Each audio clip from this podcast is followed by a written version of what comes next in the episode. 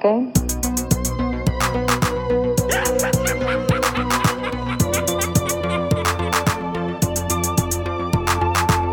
Hello, Hal, do you read me? Do you read me, Hal? Affirmative day. I read you. 180. Voilà, ziezo, de intro van aflevering 180. We gaan over naar wie dat er dood is. Ik denk dat dat misschien geen verdere intro behoeft. Nee, het is geen. Welkom allemaal bij aflevering 180 van de Gremlin Strike Back Film Podcast. Ik ben hier samen met eh, Bart en Sven. En vandaag in deze aflevering zullen we het hebben over onder andere Memories of eh, Murder, Burnt Confession en LA Confidential. Dat zijn de drie films. Nee, Bart? Burnt Ik denk dat ik de film gezien heb. Burnt Offerings. Ah, Burnt... Ja, wat zei ik? Burnt Burnt Confession? Confession. wow, ja, dat zou ook een schone titel zijn. Dat is het de porno-versie. Dit is Burnt zo- kan ik Offerings. erop zoeken of dat bestaat? Ja, Burnt want ik hoop van niet, eerlijk gezegd. Want anders zegt dat misschien iets over mij. Dus Burnt Offerings, eh, LA Confidential en Memories of Murder gaan we deze aflevering bespreken. Dat zijn de drie films die vorige aflevering tijdens de Three of No Kind uit de bus zijn gekomen. Eh, verder hebben we nog andere dingen, maar dat horen jullie straks wel. Eh, volg ons op onze sociale media, Facebook, Instagram, eh, Twitter, Letterboxd. E-mailen kan naar gremlinsstrikeback.gmail.com. Bart, jij zit Ja, ja, veel interactie hè, op onze sociale media tegenwoordig. Hè. niet? Ja, ja toch? vond- Ja, ja, jongen, dat, dat gaat er nogal een trein. Een Moet trein? misschien wat meer doen. Ja, dat zou misschien... Ja, ja. Je hebt wel Ja, in uw dingen verkeerd onze... eh, eh, eh, wat was het? CD... CDB... CDAB en je hebt CDAD geschreven. Ah, ik heb twee keer D geschreven. Ah, Verkeerd ja. D. ja, herlezen natuurlijk niet, hè. Zal, moet je dat zal, aanpassen, de- of wat? zal een het goede? D geweest zijn, zeker? Ja? Was het een hele Nee, was goede D? was Ja, top, de, hè? de, B, de, de B was niet zo goed, hè. Ah ja, het is De B was op het einde Karate Kid stond. 1 en 2 en Ghostbusters 1 en 2. Ja, En toen nog zo Annie. eh Annie. Maar Annie ja. is wel goed, maar Karate Kid 1 ook. Ja, en- al die films zijn oké. maar die twee van Karate Kid en Ghostbusters, die... mm, Ja, dat moet er niet bij, hè. Dat, dat wilde niet naartoe kijken, hè. nee. Ah ja, ik het hier aanpassen. Wacht, ja. Dus eh, als je het nu luistert, is het al aangepast. Hè. Als je nu luistert, is het aangepast. En als je nu luistert naar de intro, dan weet ik zeker dat Sven zo snel mogelijk naar het einde van deze aflevering wil voor wat er nog komt. Niet waar, Sven? 180. Is er iemand dood? Als je drie keer 180 hebt, wat is dat dan weer? Dat? Een perfect game? Nee, zo'n... eh Een nine-darter, hè? Is dat dat? Ze stond er altijd met Je kunt- zo'n bord, hè. Dat er zo... Ja, als je, als je vanaf 501 start, dan eh kun je met een nine-darter kun je Ja, uitspelen. ja, dat is het, hè, ja. Dat is drie keer Dus, dus, 180. dus- nee, nee, Nee. want je moet altijd je eindigen trainen, op een dubbel, hè? Je moet altijd eindigen op een dubbel. Ah, ja. Dus je kunt niet Ja, en- drie keer 180. En hoeveel moet het dan eh gooien, eh, Sam Horis? Nee, je moet twee keer een 180 en dan vermoed ik dat je een eh, twee triple 20's en één dubbel 20 zeker moet gooien op het einde. Ik weet niet, ja, ik ben niet aan het Ik uitrekenen. ook hè, niet, dus- 360. Ah, maar ja, er, je hebt er 360. appje voor na, hè? Dat is kei gemakkelijk. Maar voor alles een app, hè. Nee, ik weet het niet. Mijn- ah, nee, nee, mijn- het is mijn zoon heeft waarschijnlijk... vandaag een Rubik's Cube eh, eh, kunnen maken met een app, ja. Het zal triple 20, 20, dubbel 20 zijn op het einde.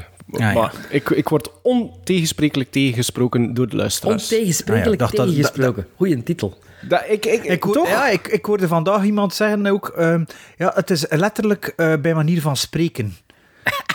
Dat is iets wat in mijn mond zou kunnen gekomen zijn. Dat is zo heel goed, maar het was hij niet iets zei. Dus eh, ja, ze, ze hebben mij daar letterlijk eh, bla bla bla bij manier van spreken. Maar ja, oké. Eh, ik had u, je je wordt een brug aan het maken naar Sven, hè? Of, of En jij hebt die onderbroken. Dus Sven, is er iemand dood? Now I am become death, the destroyer of worlds. I should have expected to find you holding Vader's leash. I recognized your foul stench when I was brought on board. Little surprises around every corner, but nothing dangerous. I don't know where you get your delusions, laser brain.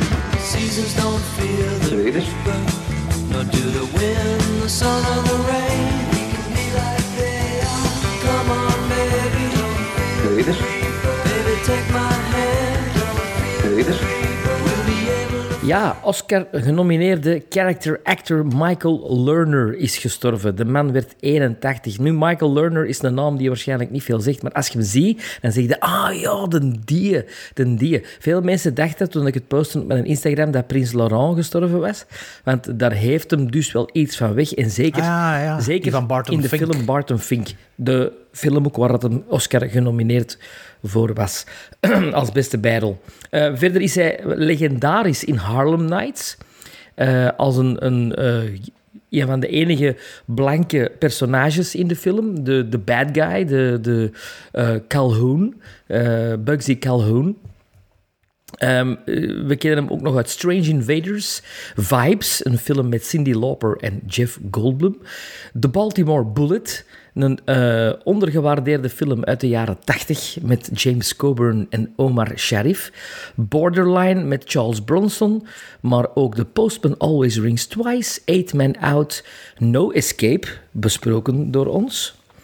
Radio... No, no Escape? Wacht, No Escape is Escape, from escape, Absalom? escape to Victory. Nee, No Escape is, is eh, Liotta. Escape from Escape Absalom. from Absalom, ja. Radioland Murders, Godzilla, eh, Celebrity van Woody Elf, Allen, Elfman, Woody Allen, Hoe die The elf. Road, Woody The Elfman. Road to Wellville en X- Dat is de regi- dat is de regisseur van Burn Confession. en X-Men Days of Future Past. Michael Lerner, een, een, ja, een Charles Durning-achtige acteur, eh, die altijd wel lovable characters had, zelfs al was hij de bad guy, kon het toch nog altijd sweet hebben van chuckle chuckle. Het Melon Mysterie. Ah. Oh.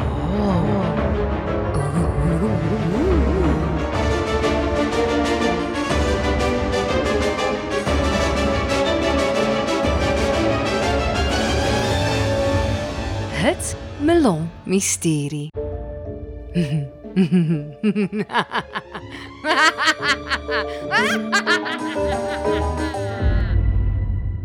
Na na na na na na na na na na na Ja, maar een goede, goede bumper hadden gemaakt, dit, hè? Ja, het, het, het lijkt op, op niets Het wat hij nu de- juist deed. Jawel, dat is juist hetzelfde. Dat klinkt Ah, juist, dat oké. klinkt er mega goed op. Ja, goed gevonden, goed gevonden. Ja, welkom in Het Melon Mysterie. Ah, je kunt dat misschien gebruiken in die bumper met een echo. Het Melon Mysterie. Hé? Was dat goed? Voor nu? Allee, Ik zal, ik zal, het zal duidelijk worden tijdens de montage, Bart. Ja, Eh, het Melon-mysterie naar voren gebracht door J. Vago eh, of zoiets op Instagram. Jeffrey van Hoven. Jeffrey van Hoven. eh. dus eh, we, bra- we brachten de vorige aflevering elk twee mysteriefilms naar voren, wat uit dat we dan gezamenlijk kozen. Het is te zeggen, die van mij werd eigenlijk eh, tegen Sven zijn hoesting gekozen, maar daar later meer over. we gaan ze chronologisch bespreken. ehm, en de oudste film was een film die Sven, eh, Of course, Sven naar voren gebracht worden.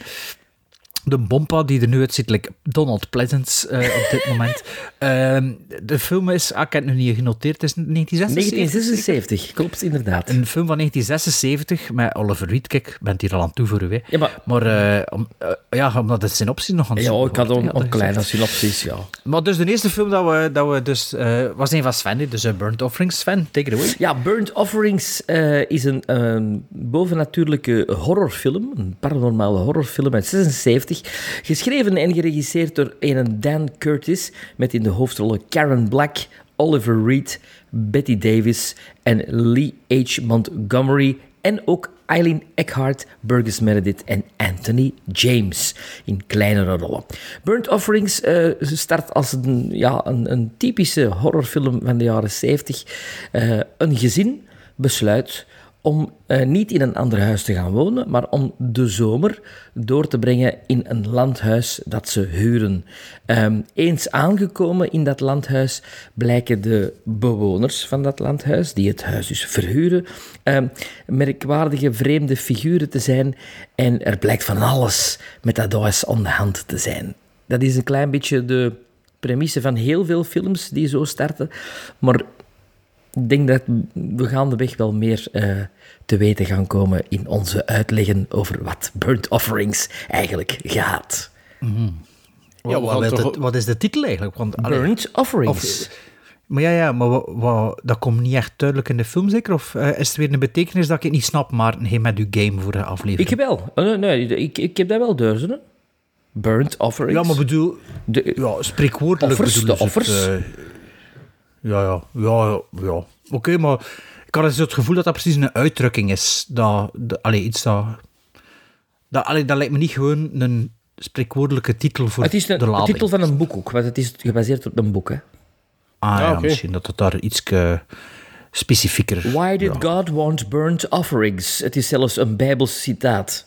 Ah, wel, dat bedoel ik. Dat, dat, dat wilde ik The zeggen. biggest dat niet difference letterlijk... between the burnt offering and other offerings is that to make a burnt offering, the entire animal was burned on the altar, symbolizing total commitment or surrender to God. Maar je zit, je zit snel in het opzoeken. Maar kijk, we gaan dus met ons drie proberen om er nog eh, meer duidelijkheid in te brengen. Ehm, ik wil beginnen door te zeggen, de combinatie Oliver Reed, Karen Black en Burgess Meredith en dan nog een keer Betty Davis erbovenop, gekoppeld aan een titel die voor mij best wel al lang gekend eh, was, maakte dat ik eerlijk heel blij was dat we die film gekozen hebben, vorige aflevering. Want die kan ik dus nu als bekeken aanvinken, aanvinken Burnt Offerings. Al moet ik er direct bij zeggen dat ik jammer genoeg wel geen super goede film gezien heb, vind ik zelf dan toch.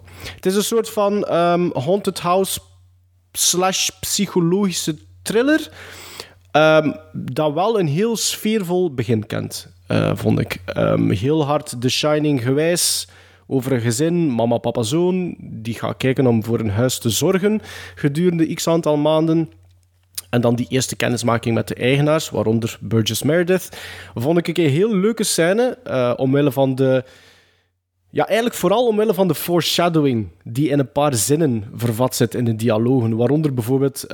allee, en in die zinnen zijn the house het onderwerp.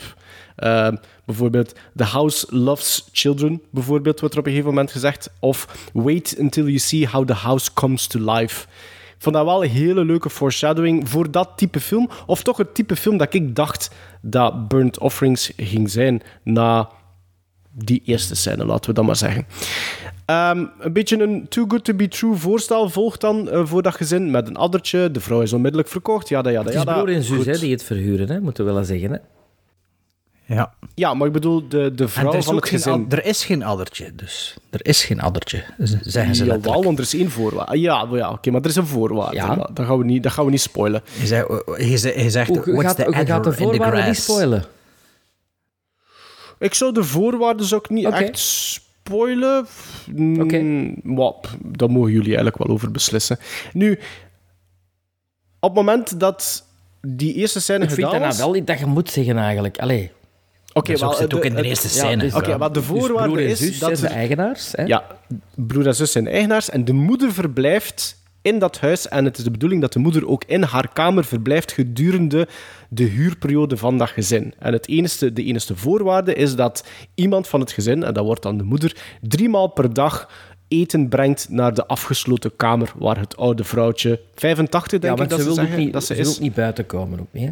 Nee, ze blijft op haar kamer, altijd. Dus de voorwaarde is dat die, iemand van hen drie keer per dag eten brengt naar die vrouw. Nu, die scène is gedaan en ik zette de film even op pauze.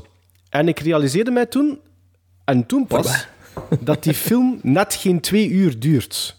En ik had er eigenlijk onmiddellijk wel wat vraagtekens bij.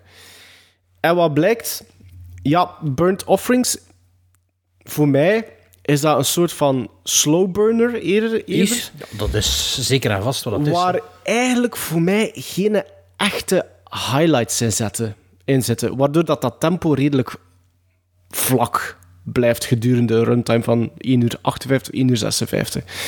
En ik denk dat de regisseur en co- co-scenarist, want het is, hoe heet hij? Dan het Curtis. Dan Curtis. Ehm, voor mij komt dat over als een alsof dat hij een beetje moeite had om te beslissen wat voor type film dat hij eigenlijk juist wou, voor wou gaan. Als kijker, eh, nu dat ik dat, heel die film gezien heb, denk ik dat ik liever centraler bij Karen Black, bij het personage van Karen Black was gebleven, dan bijvoorbeeld de, de, de zij-uitstap, wat dat het scenario doet met betrekking tot het personage van Oliver Reed, bijvoorbeeld. Want daar zit een soort van onverwekt trauma uit zijn verleden in vervat. En de combinatie van die twee rijmt niet volledig met het geheel. Ik vind... Ik heb wel ook wat problemen met, met het personage van Oliver Reed eigenlijk. Want die schippert nogal redelijk hard qua gedragingen. Er zit bijvoorbeeld een scène in het zwembad. Ik, ik, blijf, ik, ik heb het daar een beetje moeilijk mee, om, om- ik, ik snap de, de drijfveer niet echt. De ik snap de is beweegreden niet echt. Die komt seks tekort in zijn huwelijk. Ja, maar er wordt ook gehint niet dat die seks, al... genegenheid en... en, en Ja, je zijn al 15 jaar niet meer gevolgd, Ja, die twee. Daar, er wordt, er wordt gehint dat er van van die een, der- kleine. Ja. van een 13 jaar, inderdaad. Hè. Eh, maar ik vind, dat te, vind dat niet, ik vind dat te mager. Vind dat niet... Op, allee, zeker voor wat dat er gebeurt in, in dat zwembad, wat dat eigenlijk redelijk severe is. Als, hé, wij, zijn, we hebben toch allemaal een gezin, we hebben allemaal kinderen, wij. We hebben allemaal een toch- zwembad. We hebben allemaal een zwembad. Ehm, voor mij is dat zo'n hele schelp. En eh, van mij ook zo'n of, zo. zo'n dingetje. hè. Ja, ja. ik, heb, ik heb er ook zo een van een briekhuizen, hè, mannen. Oké. maar het is, Burnt Offerings is voor mij zo'n film die blijft zwalpen continu, maar nooit niet echt super thrilling of chilling. Vooral chilling scenes heeft. Want ik dacht eerlijk gezegd, na die eerste vijf minuten, gezin gaat naar een huis, het is duidelijk dat er iets is met dat huis. Ik dacht van, oké, we gaan voor een full blood... Amityville. Ja, ja, ja. Maar misschien iets te vroeg gereleased, hè. 76. Dat verhaal Ja. vier jaar later had iets anders geweest. Hè. Ja, maar het is wel Ja. hetzelfde Later. jaar als die Omen, hè. Ja, maar ja. Het is wel de periode van dat soort films, hè. Audrey Rose, The Omen, Amityville... eh, Maar is Amityville ook niet een beetje later? Nee, 77 denk ik. 77, 78. Dus die is allemaal Dat wel, zo, hè, Exorcist, is allemaal... Ja, dat is Ja. allemaal een nasleep van de Exorcist, hè, sowieso. Hè. En Rosemary's Baby. Het is, wel een, het is wel een titel dat ik, ik al lang kende, Burnt Offerings, maar het is eentje dat ik nu pas voor het eerst gezien heb. Ja, op, eh, voor, voor nog verder te gaan, wat, watgeen dat ik genoteerd heb, ik vind mijn man-crush uit Revolver, Oliver Reed, vind ik hier niet super overtuigend uit de verf komen. Vind dat, dat... Nee, ik vind dat niet dat hij... Vind niet dat dit de rol is, of ook niet de manier waarop dat geschreven is, ook niet de, de, wat dat hij kan doen met die rol en hoe dat hij in beeld wordt gebracht. Ik denk dat dat met Oliver Reed al veel en een veel beter gebeurd is dan in Burnt Offerings. Ehm, Het is wel een atypische Oliver Reed, vind ik. dat wel, dat wel, maar het is niet een Oliver Reed die ik nog niet gezien had, bijvoorbeeld. Ja, Redelijk ingetogen. Hè. Ingetogen, Ja, ja. ingetogen. Ja. En lovable. En, ja, maar ook wel een beetje vlak. Maar Voilà, het is de, bedoel- komt- hij maar het is de bedoeling nooit- volgens mij dat die vlak is. ja maar ik, ik krijg nooit precies de kans, vind ik, om echt... Maar je ziet toch wel dat hij weer fantastisch tot te spelen. Weer opnieuw, vind ik. Nee, Ik, ik heb hem... Ik, nee. Allee. Ik, ik heb hem al beter zien spelen. Ja, ik vind, dat- ik vind, Ik ik vind heb hem dat al deze beter zien film spelen. een beetje de diversiteit weer van Oliver Reed nog eens aan... Allee, vindt. Zo van, godverdomme, dat kon hem ook. Mm, dat, ja, dat, kan dat kon hij misschien ook na het zien van die film, maar ik zie hem liever in andere soort dingen dan. Dat is, dat, dat is dat. Maar, maar ik vind wel dat de diversiteit van de acteur... Omdat we al een paar films hebben gezien met hem... Toch... Je toch weer iets... maar ik vind, dat, ik vind dat scenario hem niet genegen is. Dat vind ik wel Ja. niet. Ik vind, niet ja, nee, ik vind dat dat een be- te veel yo-yo-effect heeft doorheen de, de, de film. Wat Jij dat is gewoon te weinig, te weinig Burgess Meredith ook. Absoluut. Daarentegen moet ik wel zeggen, want Sven, hij had dat niet gezegd eh eh, de vorige aflevering. Ik was heel blij verrast dat Betty Davis ook in de cast zit. En die, die vond ik dan wel goed in het beperkte dat zij kreeg, omdat dat makkelijker omlijnd personage is. En ik vond dat hij een overtuigende evolutie doormaakte, hoewel dat plots wel heel snel ging, dat geef ik toe. Er zit, er zit, er zit een soort van middenstuk die er zo'n beetje uitgeknipt is, dat je als kijker zo iets hebt van, ah, oei, er is iets veranderd, wat zou het zijn? Wat dan wel uitgelegd wordt. Ehm, maar het is ook niet trouwens... Ik vind, ik vind ook trouwens niet dat er, dat er daar iemand slecht in staat te acteren. Nee, begrijp me niet verkeerd, omdat ik het daar misschien een beetje negatief had over, over Oliver Reed. Ehm, maar het is wel jammer dat bepaalde namen... Vind jij waaronder echt dat er niemand slecht in staat te acteren? Meen je dat? Maar ja, ja, maar... Ja, maar... Vind jij Karen Black zo goed? Maar, maar Karen Black is Karen shit, Black. slecht speelt is die? dat? Maar Karen Black is Karen Black. Ja, maar dat is... Die speelt altijd en overal zo. Ah, dit was toch wel, vond ik, eh, het summum van... Maar Karen Black heb ik, ik, ik, ik, ik weet dat niet. Ik heb, ik heb het ook nooit niet gehad. Moet eerlijk zijn, dat is zo'n beetje zo'n cultactrice. Die is zo'n beetje een cultstatus verworven, maar ik heb het die, nooit die niet echt voor rare gehad. ogen, maar... Die heeft En, een- Anya ik vind Taylor-Joy heeft rare- rare ogen, maar die is wel beter als actrice. Ik vind dat hij sowieso rare, zo'n beetje een vreemde facial features inderdaad heeft. Maar ik heb dat ook nooit geen goede actrice gevonden, Karen Black. Maar, zeg, Maar ja, wat dat ze hier wel, dat doen- allemaal goed aan het spelen zijn. Eh, Niet slecht. Maar wat dat ze hier moet doen met de rol dat ze krijgt... Goh ja, dat is voor mij, dat, dat gaat ook nooit niet verder dan, ah ja, ik ben aan het kijken naar Karen Black, bijvoorbeeld. Iedere film dat ik zie met Karen Black, ah ja, Karen Black is er weer. Ik weet het, maar, Ja. als, maar wat ik jammer vind aan deze film, en we zijn dat toch de het babbelen, maar dat Karen Black eh, zo onnozel tot te spelen, dat je van in het begin al zo weet van, hmm, allee ja, zo. Ja. Ik, ik denk dat mijn grootste pet peeve gewoon is dat, dat ik had liever gehad dat, dat, dat het verhaal voor één angle koos en dat er daar meer dreiging had kunnen inzetten, waardoor dat je minder met een slow burner zou gezeten hebben. En zeker niet eentje van maar liefst 1 uur 56, wat ik echt veel te lang vind voor dit soort verhaal. En ik was wel een beetje teleurgesteld, eerlijk gezegd, daardoor. Maar misschien heeft Bart, Bart heeft het misschien helemaal Maar- anders gezien. Het was de tweede keer dat ik hem gezien heb. De eerste keer dat ik hem gezien heb was eh, op 23 oktober 2019. Oh, ik wist niet dat jij die al gezien had. Rond Halloween zal dat geweest zijn, maar dat maakt ook niet uit. Hè. Ehm, Nee, wist het Ja, niet. die Arrow, die titel kende ik niet, maar ik had die wel ooit een keer op Arrow gekocht. Een blind buy of ja, een beetje een beredeneerde buy, omdat ik misschien zag Oliver Reed. ehm, dat ik dat toen eens gekocht had, of ik weet het niet per se. Maar ik wist er eigenlijk, toen ik hem aanzette, wist ik eigenlijk echt niet meer over wat dat ging. Tien minuten later kwam het wel redelijk terug allemaal. En ik had ook gezien, ik had een kwartering gezien van de eerste keer dat ik hem gezien had. Ik dacht van, oh, dat is precies wel hoog. Ik zal me, het zal me verbazen wat dat stand houdt. Ehm, en wat ik wel nog, ook nog wist van de, van de eerste visie, en dat ik eh, dat me ook direct opviel, is hoe slecht dat Karen Black te spelen. En zeker als ze het dan nog eens met Berger Meredith en Oliver Reed in de scène moet... Allee, bedoel, Ja, dan stond ze ze, direct- ze, ze kan ze kan zelfs glas nog niet kapot slaan voor, voor, voor, voor de scène te stelen. Allee, dat lukt zelfs niet. Het is echt... Allee, die, die anders zal ze die scènes niet te, ste- te stelen. Maar ja, en dat is, allee, dat, is, dat is al voor mij al een van de zwakste schakels aan Hans die in de film. Dat is Karen Black die die film niet kan dragen. Dat schijnt, ook een, dat schijnt ook een, eh, een, een, eh, slecht val, hè.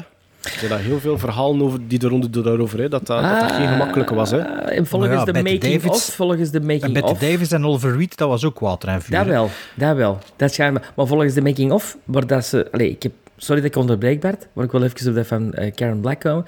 In de, in de special features met een arrow staat er een interview met het jongetje, die nu zo oud is als ik, denk ik, zelfs nog iets ouder. Eh, dat is trouwens dat manneke dat in Ben ook heeft meegespeeld. Eh, Ja, dat Ik herkende hem. ja, en die vertelt wel dat hem dus van heel de cast nog tot heel lang bevriend is geweest, eh latere leeftijd ook met Karen Black, waar dat die over hem ontfermde, allee, het meeste over hem ontfermde, en dat Oliver Reed op zijn 12 jaar zat had gevoerd. Nee. Want die had, een, die had een gang bij, altijd Oliver Reed, eh, blijkt. Eh, de, de make-up artist en Een en een wardrobe artist. Entourage. Ja, en dat was de Reed Raiders, heette die. En die hadden t-shirts ook, de Reed Raiders. En dat manneke had zoiets van, ik wil zo'n t-shirt. Ah, dat is goed, zei Oliver Reed. Maar dat moet hij wel. Dan moet Dan moet hij mij drinken. en, dan, ja. en zijn moeder was altijd mee op de set. En op de avond, had Oliver Reed zoiets van, kom jong, hier, een glas wijn, up.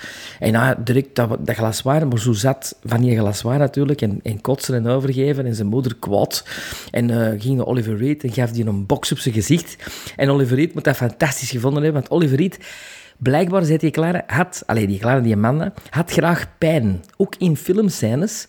Dat hem er in de bossen zit, in die, in die dingen, en zo, die, dat hem bloeide en al, dat was echt... Dus hij vond, dat, hij vond dat wel tof. En ook dat die vrouw hem sloeg, dat vond hem ook tof, dat die moeder hem sloeg. Tof. Soms is het leuk van de special features te zien, vooral met acteurs die dan kind zijn Over de en acteurs, die dan ja. over ja. de acteurs babbelen. Ja, Ehm, maar kijk, ehm, Maarten, je zegt dat de film veel te lang duurt en zo, dus ik heb die gisteren eh, ingestoken en ik heb dat eigenlijk vlot in ene zit uitgekeken. Ik kan niet zeggen met een half oog, maar zo vrij relaxed eigenlijk. Eh, Dat is een dagfilm. Want ja, het was s'avonds. ja, maar het is Maar- eigenlijk wel, vind ik, een dagfilm. Maar eh, je kunt dan zo in de zetel zitten en ik kan niet zeggen dat je in slaap valt. Je zo niet in slaap aan het vallen, maar zo juist relaxed genoeg voor te kunnen volgen. Gelijk bij de koers. En het is het, ja, zo'n beetje koerssfeer, zo van je zit te kijken. En, want ik besefte achteraf, ah ja, ik heb eigenlijk amper notas gemaakt, dus ik heb daar rap nog een hoop dingetjes opgeschreven. En ik dacht van, ja, zo, het kabbelt zo wel voort. En het is, ja, er gebeurt absoluut niet veel in. En ja, het is eigenlijk ook niet verrassend, nergens. Het is gewoon waar als de mosterd gehaald. Nee. Ik kan niet zeggen waar, maar we weten alle drie waar het de mosterd gehaald is. En ik ken het dan niet over The Exorcist Nee, nee. of eh, Rosemary's Baby. Ja. Ehm, eh, maar ja, ik... Ja, ik amuseerde me precies wel met die film. En ik weet dat ik dat de eerste keer ook wel had. Want ik vind, ondanks dat Karen Black sle- slecht zat te spelen, de acteurs en de regisseur slagen er wel in. Ze, ze spelen met een bepaalde serieus, zonder dat dat nozel wordt. Of, Dat is waar. En dus dat is een, een, een moeilijke balans in, in zo'n verhaal, want ze spelen straight, wat dat soms veel te zwaarwichtig kan zijn, of, ik- of ik weet niet wat. En, en er zit niks tong-in-cheek in, maar ja, ze moesten dit soort films nu maken, dat zou niet meer marcheren. Dat zou onnozel zijn, of, allee, of moet heel goed geacteerd of geregisseerd, en of geregisseerd zijn. Ja, maar nu zou er ook veel meer jumpscares in zitten en toestanden. En dat, en dat, Ja. dat is daarna niet. Eigenlijk amper, eigenlijk. Hè. Allee, ja, maar zo'n paar momentjes. Maar ja, eh, eh, ik vond dat minder verrassend dan de eerste keer wat ik allemaal gezien. Ik zeg, kwam ook snel terug. De, de bepaalde visual effects in het midden van de film, eh, het- vervellen, ik zal het zo noemen, vond ik cool gedaan. Alleen vind ik het jammer dat ze dat dan op het einde van de film. Niet herhalen. Of nog groter maken. Ja, dat is waar. Ik mis dat er ook een climax. dat was ja, echt ja, goed dat was gedaan. echt goed gedaan. Ja, die, dat- die pan, ja, ja, ik weet wat dat bedoelt. Ja. En, en, en hier was het dan zo, en we zitten dan zo met een beetje een freeze-frame, dat ik dan even dacht, ah, is dat eindshot? Maar toen had zo even verder... Allee, dat, dat, is een, dat is een beetje raar, want dat was wel goed geweest als, als ze het hadden zo nog in de apotheose van de film gestoken. Maar al bij al vind ik dat geen slechte film. Allee, en zeker niet als je er nog zo'n slechte lead hebt, dat de film het dan toch weet te boeien. Ik moet ook wel zeggen, hoe slecht dat ze ook speelde, ik word wel redelijk snel aan gewoon ook aan dat spel. Het is niet dat ik me er heel te dan ergerde. Maar weet je wat ik heel te dan dacht, Bart? En, en ehm, ik weet dat jij die film, maar de titel ontglipt mij, dus misschien kunnen mij helpen. Terwijl ik aan het kijken was naar Bird Offerings, dacht ik altijd van, oh, ik wil die film opnieuw bekijken van die, dat huis waar dat er iemand op, ehm, op de zolderkamer of zoiets iedereen in de gaten houdt. En dat dat zo'n beetje een, een bescherm iemand is. En ik heb dat eh, gezien. ja, met... met ehm, eh, ah, met Jo- George C. Scott. Nee, dat is de Changeling. Nee, Dat is niet de Changeling, nee, ja. Niet in. Met ehm dinges van Friday Night, Sarandon, eh, Chris, Chris Sarandon, onder andere. Ja, het zeggen me niks. Ik had moeten opzoeken. nu ja, ik, ik, ik, ik weet dat hem, want jij vond dat ook een goede film. Of, of toch een, een leuke film. Maar ik ik kan niet op de. ik- het is niet The Guardian, het is iets anders. Trekt Ah, op. jawel. Jawel, jawel, ja. De... Het is niet The Guardian, hè? Nee, het nee, is niet die van maar het is met 1990. Jenny Agutter. Ehm, Dat zou kunnen. De, de, de... Ah, ja, ik weet wat je wilt zeggen. Begin jaren Ik weet 90. totaal niet, ik weet totaal niet waarover Begin dat jaren gaat, dus, 90 film. Jenny Agutter. eh, Schrijfde dat? Jenny... A- eh, Maar zo- zoek het op Friday Night, hè. Ja, maar ja, op Sarandon, ja, dat weet ik nu wel. Maar Het is, niet Ja, like ik- The Changeling of zo, maar het is zo weet. De... ik, ik zal het opzoeken. Sven mag ondertussen overpakken. Ja, dus Burnt Offerings. Ehm, inderdaad, voor mij ook een blind buy, eh, omdat Oliver Reed erop stond en dan Betty Davis, want ik vind Betty Davis een van de beste actrices eh, ever. Absoluut. Ehm, en dat bewijst in deze film ook, vind ik. Want ze, die, die, de, de, de paar scènes die ze heeft... Ja, sorry, je ziet constant naar Betty Davis te zien. En die, she owns the screen, hè. She owns it, hè. Ehm, die omen-achtige dingen die erin komen, vond ik wel goed. Ook die, die, die visions van, die, van die, de, de chauffeur, eigenlijk, die Anthony James. Een gekende acteur trouwens, van veel westerns, ook van Unforgiven. Ehm, die vind ik wel frightening. Hoe is de titel? Oh, Maarten, The. Sentinel. The Sentinel. Ah, ja, ja, ja. Dat kan hier ook, hè. Ook met Burgess Meredith, trouwens. Dat vind ik... Maar dat is ik weet niet 90s, hè. Allee, dat, Dat is is toch... 77? Ja, hè. En dat is die met de Jenny, 77? Jenny Agutter? Ah, wacht, daar moet ik een keer op klikken, wacht.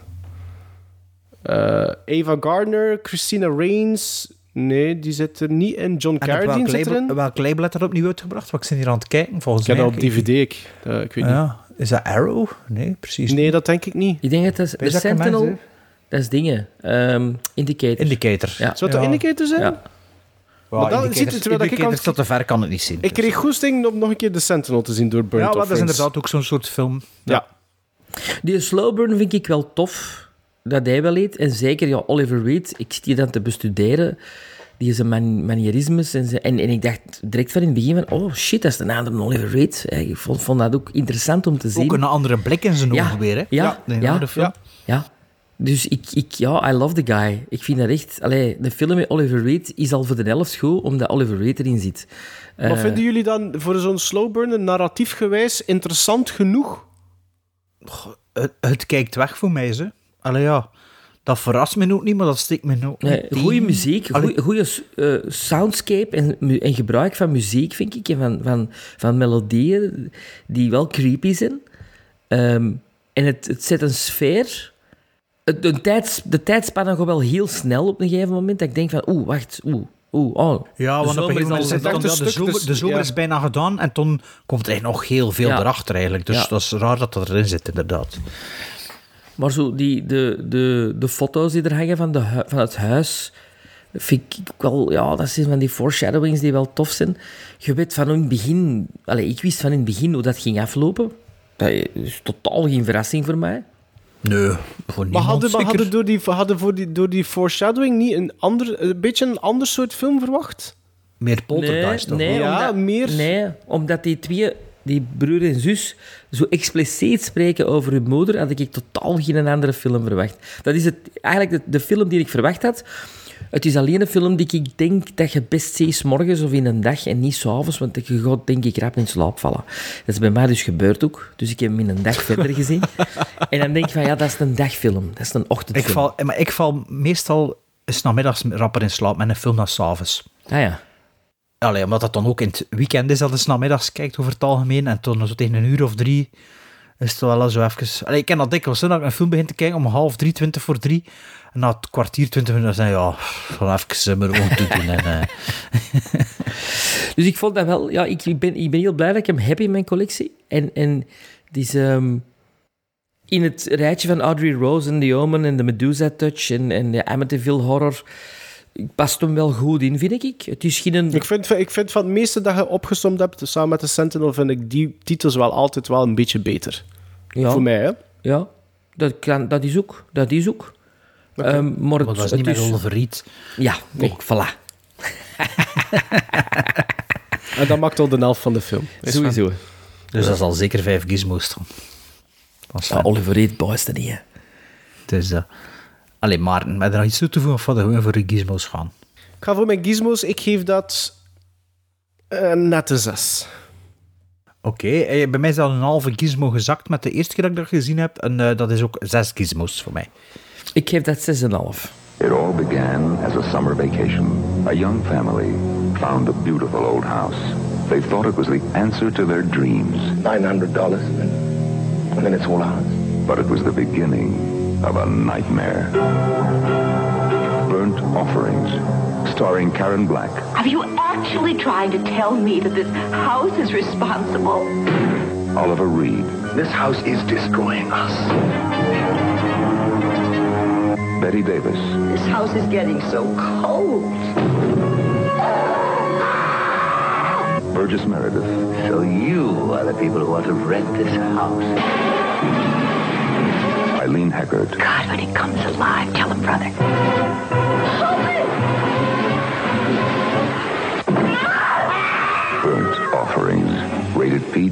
Van Dan Curtis gaan we naar Curtis Hanson en naar 1997 voor het crime mystery drama L.A. Confidential. De film die bij mij altijd verkocht werd als een soort van moderne noir en dat ik nog nooit zag. Dus daarom schoof ik hem daarvoor in vorige aflevering. Een film van 2 uur 18 minuten waarin politiemannen Guy Pearce, Kevin Spacey en Russell Crowe in verschillende functies eh, van de politie elk op hun manier een reeks moorden onderzoeken. Verder zien we ook nog Kim Basinger en Danny DeVito. De film was genomineerd voor maar liefst 9 Oscars. Hij ging ook met twee beeldjes lopen, namelijk voor Best Actress in a Supporting Role, Kim Basinger, en voor Best Writing of Screenplay Based on Material Previously Produced or Published voor het duo Brian Helgeland en co-scenarist Curtis Hanson. Helgeland zou een jaar later trouwens als regisseur debuteren met Payback met Mel Gibson in de hoofdrol. Hel- Dat was het zo'n beetje. Helgeland heeft hij ook niet ehm, dingen geschreven? Eh, Usual Suspects? Nee, zeker. Ehm, idee. Hij was Geen inderdaad tot, tot, hij was al redelijk succesvol als scenarist, alleszins, voordat hij begon te regisseren. Ik zal even kijken wat dat hij allemaal gedaan heeft nog. Eh, writer. Taking of Pelham 1, 2, 3, maar dat was de, de, de, de, remake. On Scott. Fire. Ja, Mystic River. Mystic River heeft hij ook blijkbaar Ah, ja, gedaan. ja. The Postman, Sven. Conspiracy Theory. Assassins. Oh, 976 Evil 2. Highway to Hell. Ah, het is 976 Evil, heeft hij het origineel geschreven. A Nightmare on Elm Street 4 heeft hij ook geschreven. Dat was Maar niet beetje. usual suspects eigenlijk. Nee, nee, nee. Ja, Bart, eh, Bart, Bart was de enige van ons drie die de film al een paar keer had gezien, hè? Niet? Ja, redelijk veel, want ik denk dat als ik ergens ooit iets terugvind, heb ik ergens een gepubliceerd lijstje van mijn tien favoriete films. En dat is eh, een lijstje van 1998. En LA Confidential staat erin, daar ben ik vrijwel zeker. Oké. Eh, ja, dus ik vond dat toen een eh, hele goede film. Het was lang geleden dat ik hem nog gezien had. Ik had ook ooit de soundtrack op cd gehad en ook redelijk veel eh, be- beluisterd, want ik herkende veel nummers. Jerry, Jerry Goldsmith. Ja, ehm, wat aan Maarten vergeet te vermelden is eh, toen dat de film uitkwam, was Kim Basinger al 44 jaar. Wat wil zeggen dat Kim Basinger dit jaar 70 jaar wordt. Ja, dat heb ik inderdaad vergeten te vermelden, maar dank u wel feel om old. dit... eh, Ja, hè, 70 Kim Ik heb daarmee Basinger. gedanst. Met 70, hé? Allee. Ja, maar, Maar die was toen al 44, dus dat is ook wel zot. maar ik heb daarmee gedanst in, in Welk 94, jaar? 94 of... Nee, Ja, kijk. maar toen was ze nee 93, 41. 93, 93. Toen was ze 40. Sven, 40 was ze toen al. Die is 70, ik heb met die bomma gedanst. zeg. Maar dat is toch zot, hè? Moest je dan nu vragen? Je zeggen, oh, bijna 60 of zo? Maar ja, dat kan niet, hè, want we worden zelf ouder. Oh ja. Ehm, bon, dus, eh, maar dat, ja, dat dat nu niet eh, opgeschreven had, eh, dat, eh, snap ik wel. Wat dat ook kunnen vermelden had, is, dat zag ik eh, met mijn voorbereiding te doen, dat de film op nummer 116 staat van IMDb Top 250. Dus zo de best gequoteerde films van de aantal stemmen coëfficiënt. Wat al redelijk hoog is, vind ik. Ehm, ik wist nog veel van de film, sowieso. Ehm, ik wist nog wel hoe wat dat er met bepaalde personages ging gebeuren.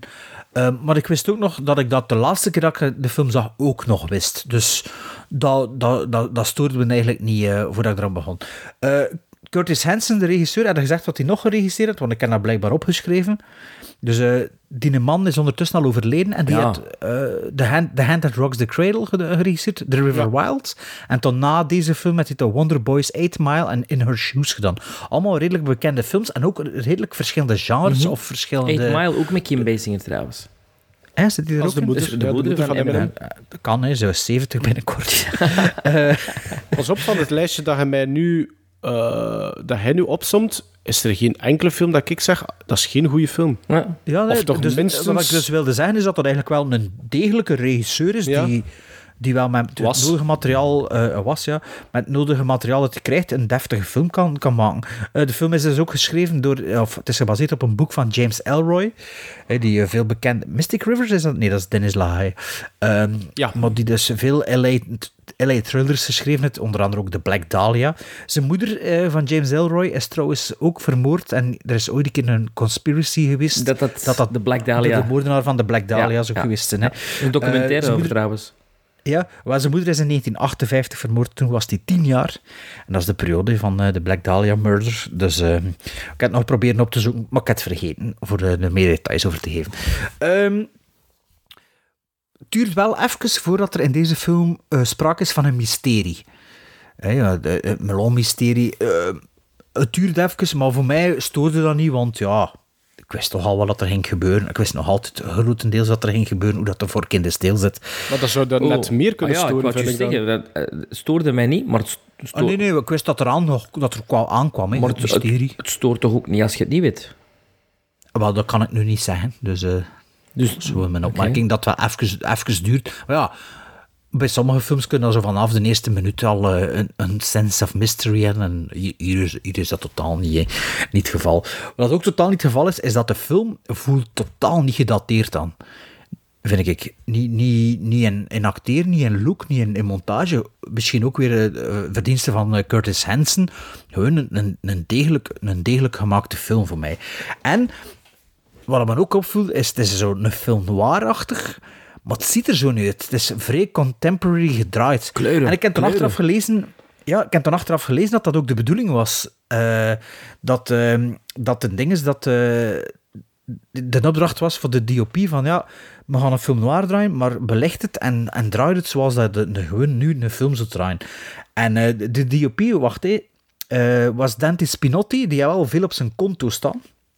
Ik heb een lijstje gemaakt, hier kijk, ik word het toch opzoeken. Heeft je. Dante Spinotti die Untouchables gedraaid? Nee. Want nee. het thema Eh, heel hard om die Untouchables qua look, denk je. Qua kleur. Wat dat hij wel gedraaid had, is The Last of the Mohicans, Heat, The Insider, Heat? Hudson Hawk. Hudson Hawk. heeft hij heet gedraaid? Ja, ja. dat was de film waar ik constant aan zat te denken als ik LA Confidential zag. Ja, Frankie en Johnny heeft gedraaid. Nell, Nell, The Quick and the Dead. Maar die is nog altijd actief, maar niet meer, niet meer veel bekende ding. Maar het laatste beke- echt bekende is Ant-Man and the Wasp. Het heeft blijkbaar ook gedraaid. Mooi. Oh ja, ik was wel vriend te vermelden ook dat dat een verhaal is die zich afspeelt in de jaren 50. Ik denk 53 of zoiets. LA Confidential. Ja. Ehm, voor mij, ik- kijk, ik zei dat in de jaren 90 was dat een van mijn favoriete films. En ik word daar nu naartoe aan het kijken. En voor mij is dat, dit soort films, dat is voor mij pure entertainment. Dat is niet te moeilijk, niet te simpel. Hoe geacteerd.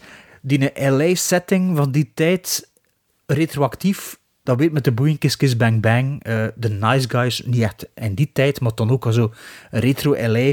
Ik vind dat plezant voor, de, voor naartoe te kijken. Eh, de ding is, eh, Elliot Gould, eh, The Lost Weekend, eh, The Lost Friday, The Long Friday, The, Long Good Friday. The Long Goodbye. The Long Goodbye. Ah. Van Altman. Dat is ook een beetje die sfeer. Ik, ik vind, dat, vind dat tof. Mysterie gedeelte dan van deze film. Uiteindelijk, ja, zitten er dat dan toch ook niet echt grote verrassingen in, denk ik. Ook als dat de eerste keer is dat je dat ziet. Dat is een beetje straightforward. Maar ja, ik stoor me niet aan die film. Ik, ik vind dat een film die, ja, die staat als een, dat is gewoon een film en je kunt dat opnieuw bekijken en ja, dat, dat, ik stoor me aan weinig in die film. Duurt misschien wel een beetje te lang, dat is wel, allee, omdat het derde act is, is te weinig verrassend voor mij. Ik vind dat dat niet, ja, dat dat een beetje uitvisselt, zo de film. Dat er niet, geen, geen grote scènes of geen grote incidenten of reveals meer zijn. Dus dat is een beetje mijn quip met die film, dat dat, ja... Ja, maar Sven is er niet akkoord, dus we gaan het. Voor de rest heb ik er niet, zo, niet zoveel meer over te zeggen. Ja, dat was gewoon dat was een film die ik nog een keer opnieuw wilde bekijken. En een film die me weer wist te bevestigen. Dat is niet meer in mijn, in mijn top 10 beste films ooit. Ik ben natuurlijk ook meer dan 20 jaar ouder ondertussen. Ik heb ook al 20 jaar meer films gezien. Maar ik vind dat nog altijd een genietbare film. eh. en ja, dat was zo'n beetje basic. Oh ja, en Kevin Spacey, krijg je momenten aan gepijst van, oh, dat is Kevin Spacey van Kevin Spacey. Spacey is een keigoeie acteur. Allee, ja, bedoel, Dat is een, allee, ik bedoel... mij stoorde dat niet, dat die erin zit, wil ik zeggen. Wie zou er wel aan storen? Bedoel, allee, ja, bedoel, dat is gewoon een goede acteur. En Maar wie- goeie er zijn veel mensen die inderdaad aan gaan storen, nee. Allee, ja. Ehm, ja. ja, LA Confidential. Ik ging daarmee heel veel... ehm, ik, ik, ik dacht, waarom heb ik die film altijd laten links liggen? Ik dacht, ah, omdat dat misschien te veel Chinatown was. Een film Chinatown, twee of drie keer om begonnen en afgezet, in slaap gevallen. Pff, interesseert me niet. Te donker. Ehm, Dat is helemaal overdag, Chinatown, voor je. ja, maar die... Ja, is dat overdag? In het begin is dat allemaal s'nachts donker. Een groot deel van Chinatown speelt zich half overdag, volgens mij. Dus ik begin aan LA Confidential. En, dat direct had ik zoiets van, oh, my kleurtjes, kleurtjes. En er zijn twee films die mij heel de film door mijn kop schoten. Dat is Heat en The Untouchables. Omdat deze zijn dezelfde vibe als The Untouchables. Er zitten zelfs een paar momenten in dat ik dacht van, godverdomme, dat is ook zo'n een, twist die De Palma zou gebruiken. Zo, eh, over een, woord of een naam die dan terug, die dan wordt gezet en een, en een paar scènes later krijg je die naam terug en je weet perfect dat dat die een personage door die naam te horen of door... Je ziet gewoon in die reactie weten van, oh, zie je heel die zijn Ja, gedachtegang. maar dat is de film, film noir trope sowieso. Hè. Dat, allee, Philip Marlowe-achtige ding. Nee. Oké, dat deed me een beetje denken aan zo de, de eh, Racine Street, van die Untouchables met de, de stekjes. Zo, die dingen, dat zit er allemaal in. Guy Pearce. Elke keer als ik Guy Pearce zing, denk ik, waarom heb ik daar nog niet meer films van gezien? Want ik ben gaan opzoeken, ik heb daar in mijn letterbox acht films van. Ik vind die elke keer goed. Elke keer die, die delivered, die, je gelooft die.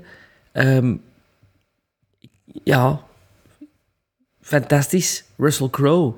Ja, die moet zijn eigen niet meer bewijzen, maar dit is een Russell Crowe die meer naar Romper Stomper hangt dan naar Gladiator. Dat is een pre-Gladiator nog deze. Dus dat, ik vond het ook goed dat dat zo geen, geen afgetrainde gast was, maar zo echt zo'n een, een, een, een LA-kop die zo wat in het vlees zit. En het graafste on LA Confidential vind ik die drie personages, Kevin Spacey, Russell Crowe, Guy Pearce, die hebben allemaal hun arc, hebben allemaal hun verhaallijn. Zijn drie totaal verschillende personages. En je hebt voor alle drie sympathie. Op, op, een- op hun eigen manier. Ze hebben alle drie iets, iets vies. En toch hebben voor alle drie sympathie. Allee, althans, ik het toch. Ehm scenario vind ik dat ongelooflijk in zitten. Die film vliegt voorbij en, en, en ja, als je van... Als je, ik had dat nog nooit niet gezien, LA Confidential, dus voor mij was dat de één verrassing na de ander. Ja, is dat? Ja, oké. Ja, ik vond dat echt... Allee, ik vroeg me dat af, hè. ik meen dat, hè, ja. Ja, dat was echt eh, voor mij Is, is dat wow, niet een en- beetje clichématig opgebouwd? Zo? Ja, maar I love that, hè, dat weet je. Ja, ja, ja. En, en, en ik heb moeten lachen ook met de, de scène met, met, met, met Lana Turner, eh, vind ik, ja, daar lag ik echt plat. Eh, James Cromwell, want die vergeten we te noemen.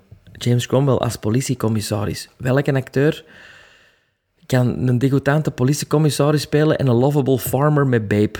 James Cromwell. Ik denk dat dat zo'n acteur is die... Hij leeft trouwens nog. Ja, leeft hij nog? Leeft nog. Is hij niet al lang overleden? Nee, Ah, ja, speelde ook eh, eh, Vader Bush in W. Oh ja, dat is lang geleden dat ik dat gezien heb. Veelzijdige acteur die, die denk ik, vergeten gaat worden met een tijd, maar die godverdomme, elke keer als die een film maakt, is die toch wel schitterend ook. Het die- speelt hij in veel dingen mee in de jaren 70 en 80 eigenlijk? eh, vooral in de jaren 90. 90, hè? 90, ja. ja. Ehm, en dan Kim Base, eh, Danny DeVito. Danny DeVito, fantastisch gecast. Eh, eigenlijk de verteller van het verhaal. Een beetje de, de, de Hedda Hopper, een, soort van eh, roddeljournalist. Ehm, Dingen is ook, hè, eh, Burt Lancaster ja, in Sweet Sweet Smell of Success. Success. Dus je- die neemt Ja. u mee eigenlijk in het verhaal. De gossip columnist, ja. Ook fantastisch gedaan dat hij als verteller zo via zijn column het vertelt. Dat vond ik een heel goede vondst. Kim Basinger is, is, is fenomenaal om naar te zien.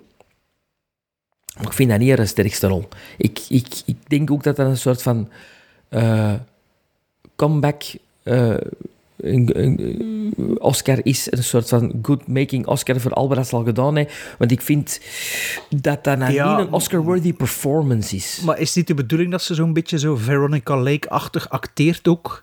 Ja, maar dat Op is een meta-manier? dat doen ze Allee. dan. Maar ik vind dat nou geen Oscar-performance.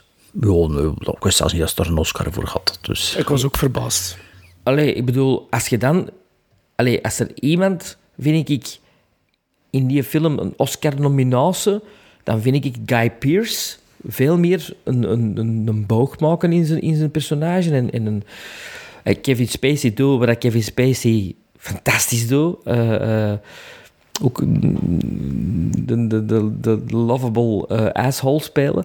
Ehm, maar ik ben dus eigenlijk na LA Confidential weer kwaad op mijn eigen dat ik die nog niet vroeger heb gezien. Ehm, want ja, ik denk dat dat toch wel hoog in mijn first-time viewing van dit jaar zal eindigen. En fantastische muziek van Jerry Goldsmith. Ah, nee, dat is goed. Ik ben blij, ben blij voor u, eh, Sven. Ik was, ik was ook, pas op, ik was ook heel benieuwd naar LA Confidential. Eh, waarvan dat ik wel merkte dat de tweede helft van de film mij meer wist te bekoren dan het eerste. En ik denk ook dat dat komt omdat dan pas zo wat het mysterie duidelijk Ah, wordt. En dan... Ik vind, ik vind het eerste deel eh boeiender. ik. Ja. Nee, ik, ik denk van, ik was een beetje aan het wachten op, oké, laat er maar nu wat schot in de zaak komen, denk ik. En daardoor vond ik zo'n tweede uur, iets meer dan een uur, vond ik wel iets beter. Maar ik begon wel met een disadvantage, want ik was super gebrand om eindelijk LA Confidential te bekijken. En zeker omdat Bart toen ook al zei vorige aflevering dat hij die al twee of drie keer had gezien. Dus was ik Meer nog ze- meer... meer ze, denk ik, Ja, ik was eigenlijk nog meer gehyped daardoor om er eindelijk aan te beginnen. Ehm, nu, wat vond ik goed? Ik, ik vond de acteerprestaties vind ik goed. Ik vind de montage goed. Ik vind de cinematografie goed. Ik vond de score goed. En toch was ik een beetje teleurgesteld door deze film. Scenarieel. Ik, ik, ik- die film was ook altijd aan mij verkocht als, als zijnde inderdaad een moderne noir. En ik keek dan naar die film en ik dacht van ja, dan kijk ik toch liever naar noirfilms uit de jaren 40, 50 dan naar iets wat dat in 97 gemaakt is. Weten we, vooral ook omdat je kent inderdaad de tropes. Ik vond de drie leading men, vond ik alle drie wel oké van te kijken. Ik had het wel iets minder met Kevin Spacey. Gewoon om, om, omwille dat, dat er op een gegeven moment zijn personage of zijn verhaallijn nog wat verder wordt aangespekt met een bepaald, perso- met een bepaald personage. En ik vond dat nu niet echt nodig. Er wordt ook gi- gigantisch veel met personages gesmeten. Er zijn heel veel mensen die voorbij lopen. Er zijn heel veel figuren, heel veel faces dat we al dan niet heel kort zien. Ja, maar ze zijn zo distinguished dat ze wel onthoudt. Allee, Ja, like, maar- like Butch of Bus, of noemt die bijvoorbeeld? Ja, goeie Allee, Ja, ook, hè. ja, ja, ja, ja, ja. Allee, dat, allee, als je die dan later in het verhaal terugziet, door hoe dat ze eruit zien en zo, ze zijn wel gecast voor ze wel. te herinneren. ja dat, dat klopt wel, maar Ook ik, zo Scorsese's, vind ik. Ja, ja, misschien wel. Ja. ik zat continu zo iets te hebben van... Op een gegeven moment bijvoorbeeld in de film wordt de, komt de focus op, op drie, drie personen te staan. En ik wist gewoon direct van... Ja, ook omdat je gewoon redelijk wat voorkennis hebt door naar natuurlijk, films te maar- kijken. Ja, tuurlijk, maar dat... Zelfs als je geen voorkennis hebt, vulde van... Ja, dat, dat gaan ze niet zijn, hè, mannen. Allee. Ja, maar Dat weet het maar toch? dat haalt er voor mij Ja, wat ja, de ja, fun tuurlijk. uit. Voor mij Ja. haalt dat er een beetje de fun Dat is de uit. Ik bedoeling, vind- denk ik, dat je dat weet. Ja, maar, maar, toch- maar voor 2 uur 18, dat, want dat zit ongeveer pal in het midden, dan vind ik dat, Ah, dat ja. de, de, de outcome daarvan veel te lang op zich laat wachten.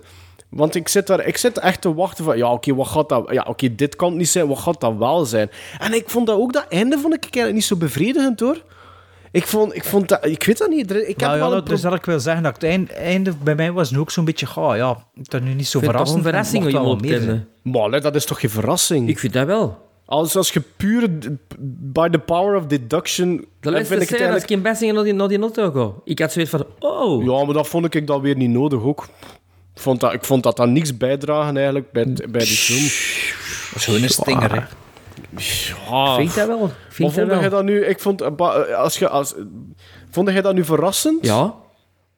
Ja. Ook, wie, ook, hoe dat de vork dan in de steel zit, vond jij dat verrassend? Ja. Nee. Ik niet. Nee, nee, nee, nee, nee. Dat vond ik niet verrassend. Maar, dat, wel weet, dat, dat weet dat van in het begin. Allee, ik bedoel... Ja, maar nee, dat is geen waar. Want als je zo... Sorry, maar ik, ik, ik, heb, ik heb naar Waars gekeken. Het Nu nog pas pak, pak weg. Pak nu de dingen. De vor, vorig jaar, de, die film dat ik zo fantastisch goed vond. Was The Big Sleep? Nee, wat was het? The Big Heat. De Big Heat. The Big Hey, Heat. Dat Ik weet vond- dan toch ook? Dat weet je toch ook van in het begin? Nee. Dat vond ik een veel... sc- Scenario vond ik dat veel indrukwekkender. Ah, ja, nice man. Alle, alle twee de indicator gekocht. Goed. Zeker. Nee, dat vond ik dan... eh, Dat vond ik dan bijvoorbeeld voor in 2022 gezien te hebben. Vond ik dat veel straffer bijvoorbeeld dan LA Confidential. Qua narratief, hè, qua verhaallijn. Ik vond dit zo heel... Ik ga niet zeggen poserig of zoiets, of niet posh of zoiets, maar zoiets van... We gaan in 1997 proberen een throwback te doen naar noir en we gaan al die elementen gebruiken, maar we gaan dat in Maar een moderne sausje. niet. Ik vind, dat, ik vind niet Ik dat vind dat, dat zo- het- zo'n throwback... Kijk, was de spring niet zo per se. Er zijn wel Ah, ja, elementen. nee, het is niet zo gedraaid. Maar ja, het is niet zo gedraaid, het wordt niet zo gesprongen. Dus het is in die setting, maar het is, het is in een sfeer wel, maar het is, niet, eh, het is geen kopie. Als je Ik dat van Brick zou zeggen, bijvoorbeeld, ja. Ja. maar- Maar ik vond, ik vond? LA Confidential, maar dat was, ik was, misschien was ik een beetje te gehyped. Misschien had, had ik daar te grote verwachting bij. Alhoewel, nee, Oscar-nominaties, dus niet dat dat aanzien wordt. Allee, En er kloppen ook veel dingen. hè, 116, want Ik bedoel, hè, ja. bedoel die, die, die cop-show, dat is op Dragnet gedaan. Hè, met Just the Facts, ja, man. ja, ja, ja. ja, ja. Hè, en dat was ook juist dat er een... Dat, en heel dat LA-core, die ook die in de jaren... Dat klopt dus allemaal, hè. Die, die Pas op, dus- ik vond bijvoorbeeld dat, dat, dat, dat verhaallijntje van, van die, eh, die vrouwen die lijken op. Ik vond, dat vond ik wel. In, in C hoeft dat ook niet, want dat draagt ook eigenlijk niks bij, of bijna niks bij tot het overkoepelende verhaal. Maar ik had wel zoiets, ik vond dat wel nog dan tof, omdat ik zo aan het denken van was. Maar dat heeft waarschijnlijk Of dat zou perfect kunnen bestaan. Dat en- bestaan nog en- wel. en-. Ah ja, voilà. Ja, voilà. Zie, en dat vond ik- in de jaren 80 en 90. Ah, maar dat vond ik dan wel bijvoorbeeld een interessant itempje binnen eh LA Confidential. Maar als ik moet, moet denken wat dat ik leuk vind om naar zo dat type film van te kijken en of dat ik verrast word en of dat ik mee... Ik, ik moet eerlijk zijn dat dat verhaal... Ik zocht ook niet mee, bijvoorbeeld. maar ik ook En niet. dat is iets, maar dat is, maar dat is niet iets wat dat ik wel graag doe. Maar dat is niet de bedoeling van deze film, denk ik. Nee. Denk dat Ja, deze ik- film de- gewoon de- you're echt along een for the pure ride. entertainment popcorn Ja, ja, en take a goed gemokte seat, take- popcorn. Take a backseat and enjoy the ride. Hè. Dat is echt... Allee, Untouchables? ja, dat, ja, dat zou ik Ja, ook dat zeggen. dat zou ik dat- niet vergelijken met die Untouchables, dit. Bah, dat is toch zo puur een entertainmentfilm die goed gemaakt is. Ik ben akkoord met iets van. Ik vind dat ook. Allee. Ik was een beetje teleurgesteld. Ik kan het niet anders zeggen. Ik vond dat... Pas op, ik vind... Nogthans, er wordt daar goed in geacteerd, hè. Er wordt daar goed in geacteerd. En die, de, de, de, de, de cinemat... Ja, ik vond de, de setdesign, de sfeerschep, vond ik wel allemaal oké. maar ik had daar precies meer van verwacht. Ja. Ik kan het niet anders zeggen dan dat. ik ben eh, een beetje teleurgesteld, want ik had, eh, ik had eh, eigenlijk op my high hopes... Nou, Oef, dat ja. ik deze film gezien had, dacht ik van... Oké, here we go. Maar het is blijkbaar niet. Sorry, Ja, Sven. en hoeveel, hoeveel toch Ja, dus jij geeft dat meer dan een acht dan. Negen.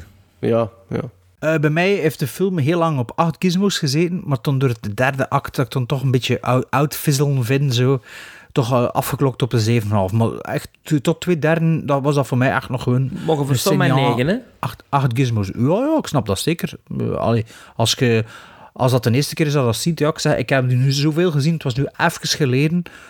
En het is super enjoyable, maar op het einde heb ik zoiets van, goh, mocht wel iets, iets meer zijn, een beetje het probleem dat Maarten ook wel had, denk ik wel. Dus eh 7,5 gizmos. Ja, maar mijn problemen wegen zwaarder door, precies. Ik geef dat net, eigenlijk maar net. Ik geef dat een 6,5, maar... Het spijt me zeer. Sergeant Ed Exley, son of the legendary Preston Exley. Must be a hard act to follow. I'm Officer White. You have a thing for helping women, don't you, Officer White? Go get yourself fixed up. That obvious, huh? It's practically stamped on your forehead.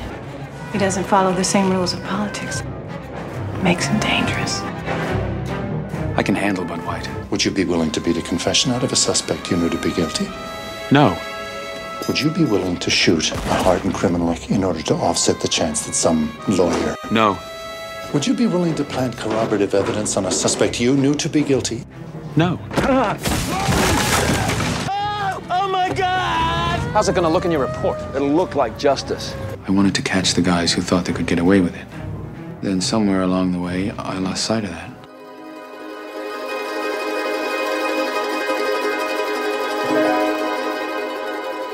2003. Celinio Chuak. Oftewel Memories of Murder. Van de Oscar-winnaar van Parasite, Bong Joon-ho. Ook bekend van dat film met de varken. Oksha, Oksha. en andere, andere Engelstalige film Snowpiercer. En wat had die man nog gemaakt? The Host had hij nog gemaakt. En wat had hij nog gemaakt? Eh, ik ken het nu niet even niet meer van buiten. Eh... Memories of Murder hè, heeft hij ook gemaakt, dus in 2003. Een film van 2 uur en 11 minuten met onder meer Sang Kang-ho, Kim Sang-kyung en Kim Rae-ha. Wie, van die, wie die drie zijn, weet ik niet, maar ik denk dat dat misschien de drie researchers zijn van het verhaal. Eh, waarover gaat Memories of Murder nu? 1986, de provincie Gyeonggi in Zuid-Korea, veronderstel ik, want daar staat er nu niet bij. Het lichaam van een op beestige wijze verkrachte en vermoorde vrouw wordt gevonden. Twee maanden later vindt een serie soort, soortgelijke verkrachtingen en moord plaats. Een speciale eenheid wordt in het gebied gezet, samen met twee lokale rechercheurs, Park Duman en Yo Jong-ho. En de uit Seoul afkomstige Se Cha-jong moeten ze de zaak zien op te lossen. Een mysteriefilm uit Zuid-Korea, waar Sven absoluut geen zin in had. Absoluut niet. Ehm, nu, het is gebaseerd op eh, waar gebeurde feiten, want de serial killer in Korea... Losjes. Ja, losjes. Losjes, losjes, maar ook wel dezelfde tijdsperiode, 86, hè, begonnen. Pas op wat dat gaat zeggen, hè, allemaal. Ja, maar 86 tot 86 91. Tot, Want je nu 95, gaat zeggen, tot dat wist ik 95. niet tot nadien. Hè. 91 heb ik gevonden. 86 en 91. Ah, ik heb 91. 86, 95 gevonden. Maar 86 hebben we allebei juist. Maar het is een beetje like de Zodiac Killer in Amerika. Een beetje mm soortgelijke eh, case. Die film begint en ik dacht, what the fuck, jaren 80. Die muziek, kago. Dus ik was, ik was gewoon gezikt. Die, die score ben ik direct gaan opzoeken dat dat bestaat. Er bestaat een dubbele LP van. Ja, die moet ik dus hebben, want ik vind de score fenomenaal in deze film. Dat heb ik ook genoteerd. Er zit zo wat Tangerine Dream in, er zit zo wat um, um, Goblin in. En, en ja, top. Um, en wat mij meteen opviel was van, goh, ja... die Koreanen, die, die heb ik eigenlijk wel het liefste. zo, zo qua, ja? qua speelstijl. Misschien moet ik een Oldboy checken dan. Oeh ja, misschien moeten we dat wel een keer doen dan. Met uw dochter. Maar wat was wat, wat, wat, wat, wat, wat de andere Koreaanse dat je toch leuk vond? Dan? Squid Game. Parasite, Squid Game. Um, dingen. Um, Die dat Train ik to Busan. Oeh. Train, Train to Busan. Dat vond ik niet goed. Dat vond ik niet goed. Maar er was dus ook zo'n Memories of a Killer. Ah, wat die dat ik gegeven heb, hè? Ja, die vond ik ook goed. Mm -hmm. Dus misschien is het wel... Nee, con confession, Confessions of a Killer of Confession of a Killer, dacht ik, ja. Ja. Dus misschien is het wel... Is, ja, ligt, liggen die Koreaanse acteurs, hun speelstijl mij wel het meest. Want ik vind... Wat dat mij elke keer opvalt, is de humor. Die je zo... In Squid Game vond ik dat ook bijvoorbeeld. Ik weet dat Maarten er niet zo'n fan van was, van de humor. Of, ik, ik, of ik, ik, heb, dat, ik heb dat maar één aflevering ja. gezien of zo. Nee, ik, ik ben geen fan van de Zuid-Koreaanse humor. Ah, wel, ik dus wel. hier ook weer. Ik heb weer kaart... Hier zit er ver... Hier, ja, Wat? Zeg maar. Uh, zeg maar iets. Allee, de scène met, met, met, met de Chateaubriand, die wordt gebakken en ondertussen zitten de laken en dat is toch... Dat is toch kei grappig? Ja, ja, ja, ja, maar dat is niet de Koreaanse humor dat erin zit. Dat is gewone humor. Want dat is een van mijn noten, dat er geen van die rare Koreaanse humor is dat er niet snapt. Van die Gaston en Leo moment. Oh, dat vind ik wel in deze film. Ja, vertel verder. Ja. Dat vind ik wel. Die, die, die doen toch allemaal zo wat, wat raar. Het zijn toch allemaal geen normaal mensen. Die, die, die inspecteurs, is toch allemaal zo wat... Zo wat... Je hebt er twee van het platteland, hè, ja. Ja. Er zit op een gegeven moment een ongelofelijke chase in. Een foot chase. Die heel knap gefilmd is, met, met ongelooflijke ondersteunende muziek. Dat ze nog die, die carrière gaan, waar, dat die, waar dat die, die steengroeven... Uh, mm -hmm. Dat, ja, vond, ja. Ik een, vond ik een heel goede scène. Een heel goede actievolle scène. Het begin is ook fantastisch. Uh, als het eerste lijk wordt ontdekt en dat jongensje, die, die, die, dat is, dat is zo'n moment, vind ik. Zo'n Gaston en Leo momentje, zo'n jongensje dat alles na zei. en dat is, dat is grappig, maar dat is ook raar, dat is weird. Um, dat is niet Gaston en Leo, maar allee, ja. Allee, het is wel raar een humor. Mm -hmm. Binnen het gegeven van een serial killer. Ik vind de film te lang. Ik vind dat er uh, in het midden dragt hem, vind ik, uh, nogal wat. Um, maar ik, al bij al heb ik mij niet verveeld. En ja, denk ik dat mijn, mijn, mijn segment naar de Koreaanse films uh, toch wel... ja, toch wel meer uitgaat dan door de... Als ik zo mijn quoteringen zie van Japanse films of Koreaanse films of Chinese films, dan denk ik dat de, de Koreanen toch wel het, het meeste gequoteerd hebben al van allemaal. En dat zal nu niet, niet anders zijn. Um, ik vond het een amusante film, die is soms een beetje um, wisselvallig is qua sfeer, qua gevoel, qua tempo. Het begint zo heel 80s en dat, dat 80s gegeven verdwijnt op een gegeven moment, vind ik, qua gevoel. Dat het heel hedendaags wordt. Um, maar al bij al, een sava, een sava spleet. Oké, bij mij is dat meer dan een sava spleet. Dat is ook een first-time viewing voor mij. Dus ik ben blij dat ik eindelijk Memories of Murder gezien heb. Um, ik, ben, ik ben het maar al de positieve punten dat jij zegt, Sven, ben ik het eigenlijk wel eens hoor. Niet dat dat wisselvallig is voor mij. Want ik, ik vind dat van, van begin tot eind op een, op een heel solide niveau zetten. Um, buiten narratief nog iets dat ik wil bijbrengen: het gegeven van de ogen. Wat dat er wel in verwerkt wordt. Um, uh, zonder daar veel meer over te zeggen. Ik vond dat een hele leuke vondst. Uh, binnenin het politiegegeven, laten we dat maar zeggen.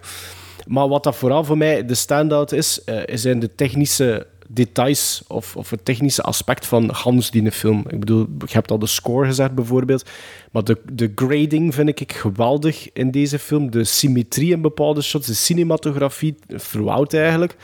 Maar ook het setdesign. De eerste keer dat ik dat politiekantoor zag, vond ik dat geweldig. Zo die vuilnisbeltachtige toestand. Het appartement van, de, van, van een van de protagonisten.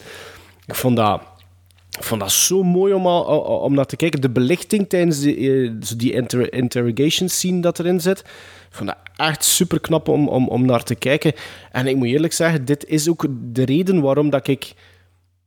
Op het moment dat ik in, in, in kennis ben gekomen met de, met de Aziatische markt van de films, dat was rond de eeuwwisseling, dat moet rond 2000 geweest zijn. Dat is ook de reden waarom dat ik daar nu nog altijd naar teruggrijp. Ik vind dat... Ik vind dat ik vind dat daar echt hele, hele, hele goede regisseurs zijn. Waar dat Bong Joon-ho dat bijvoorbeeld echt wel een exponent van is. En ik, ik heb eigenlijk een hele, hele goede film gezien. Ik was daar... Dat is ook een film waar ik eigenlijk wel redelijk op gebrand was. Het was echt wel een film dat ik al heel lang wou zien. Maar, dan bijvoorbeeld in, in vergelijking met LA Confidential is dat wel ene die, die bij mij dan wel resoneert. En eigenlijk wel op de juiste, de juiste snaren uh, raakt. En inderdaad, het feit dat dat losjes gebaseerd is op, op, op een bestaande, bestaande moorden helpt. En het is zo'n beetje, ja, ik zit dan eens een beetje verder na te denken van... Ja, ja, ik kan dat eigenlijk niet zeggen eigenlijk, zonder een spoiler te geven. Uh, enkel wil ik ook nog zeggen, puur omdat dat esthetisch... Van dat laatste shot vond ik ook fantastisch. Uh, of een van de laatste shots die in de film zijn, vind ik echt... Uh, vind ik echt geweldig. En ook die, die, onze drie regisseurs, ik vind dat zijn allemaal zo... Dat zijn drie goede personages dat je naar kijkt. Er zit daar echt een goede chemistry tussen die drie. Er zit genoeg diversiteit in. Zoals dat Bart ook zegt, van, het zijn de twee die van het platteland komen. Gevoeld dat, dat het blijft er in die film. Ah, ik dacht, dat zo diversiteit. Ik dacht... Dat ja, ja, dat er een zwarte en een blanke tussen staat. Nee, nee, nee, nee, maar qua, qua, qua karakter, hè, qua... Qua invulling dat is trouwens toch, eens de, dat is toch eens een goede filmfilosofie. Zo van, zou dat in de Aziatische films ook zo zijn? Van, je, moet, je moet alle vinkjes... Hè, en er moet... Uh, niet, hè? Sven, we zetten hem volgende aflevering op het programma. het is uw statement. Dus, maar dat zijn zo van... Dat, dat meer soort, dan dat. Dat zijn dat van dat soort films, als het, als het dan regent en je ziet dat, dat, dat water van die gezichten lopen, dat, dat is zo mooi om naar te kijken. Dat is zo schoon in beeld gebracht. Dat heeft zo'n zodanige sfeer. Ja, ik was, ik, was, ik was eigenlijk wel... Ja, echt wel fan van Memories of Murder. Ja, Memories of Murder wordt een beetje aanzien als uh, Bong Joon-ho zijn beste film. Samen met Parasite misschien ondertussen. Uh, ik had hem ook nog niet gezien. Uh, ik had wel wat van zijn andere films al gezien ondertussen. Maar dit is wel de oudste. Dat ik, allez, ik had hem nog niet gezien voor deze keer. Hè. Ik denk wel dat dat de oudste is van hem dat ik gezien heb. Dat ik, dat ik hem leren kennen heb ten tijde van The Host. Um, wat dat ik altijd een klein beetje overschat vond. Ik vond dat een beetje... Ik vond dat een leuke, een leuke ride. Maar, ja, maar er was er veel rond te doen. Klopt. Dat ik dacht, oh, ja. Te veel. Um, dit hier begint en ik vind van in het begin dat het niet super Aziatisch aanvoelt in, in dingen, maar ook niet zo hyper-Amerikaans gestileerd. Het zit er zo wat ergens tussenin te zweven en zonder dat ik eigenlijk meer wist dan de titel en dus een klein beetje waarover dat dus zou gaan, dat er zo'n murder mystery is, vond ik ook al heel, heel snel um, dat het uh, veel meer Zodiac aanvoelde dan Seven. Wat ik verwacht. Ik verwachtte eigenlijk een soort Koreaanse Seven. Ja. Behalve de regen, hè, behalve de regen. Maar ik vond dat eigenlijk van in die eerste scène op dat platteland, vond ik dat redelijk Zodiac-achtig aanvoelen. Dus ik denk dat misschien wel uh, David Fincher ook wel een beetje beïnvloed is door deze film. Dat zou me niet verbazen eigenlijk. En ik vind de hele film lang is, de, is, die, is, uh, is die heel consequent in de sfeerzetting. Mm. In de, de textuur van de film, in de, in, de, in de muziek ook natuurlijk, maar ook gewoon... Je zult er een frame kunnen uitpakken en ze weten dat de film komt zonder dat je zo de film recent nog gezien hebt. En op verschillende plekken. Doe me ook uh, visueel een beetje denken, of toch van sfeer, niet per se van, van lenzenkeuze en zo, maar van sfeer aan uh, Decision to Leave van Park Chan-wook, dat ook een Koreaan is, en The Handmaiden. Uh, niet, niet inhoudelijk, hè, maar ja, het, het, tempo en, en hoe dat alles aanvoelde, uh, was heel, ja, heel consequent. Um, de setting ook, dat dorp die eigenlijk ja, een, een, een, ja, de boerenbuiten is, die echt, wat de landbouw is, met dan zo vlak dan even een fabriek of steengroeven of een of andere mijn misschien. Ik weet niet precies wat het is. Ja, Hoe- de hoe- hoe quarry, dat zo, du- ja, du- ja. Duidelijk dat is quarry achter steengroeven. Een carrière, hè, gelijk dat ze zeggen, in, in, een, voor lijsteen en zo, denk ik. Ah, maar ja, een quarry, hè, ja, een, eh, een, een ding is, hè, dat ik dat juist zei. In het Nederlands. Ehm, Een carrière. ja, maar... nee, een ding is een steengroeven, ik. Ja.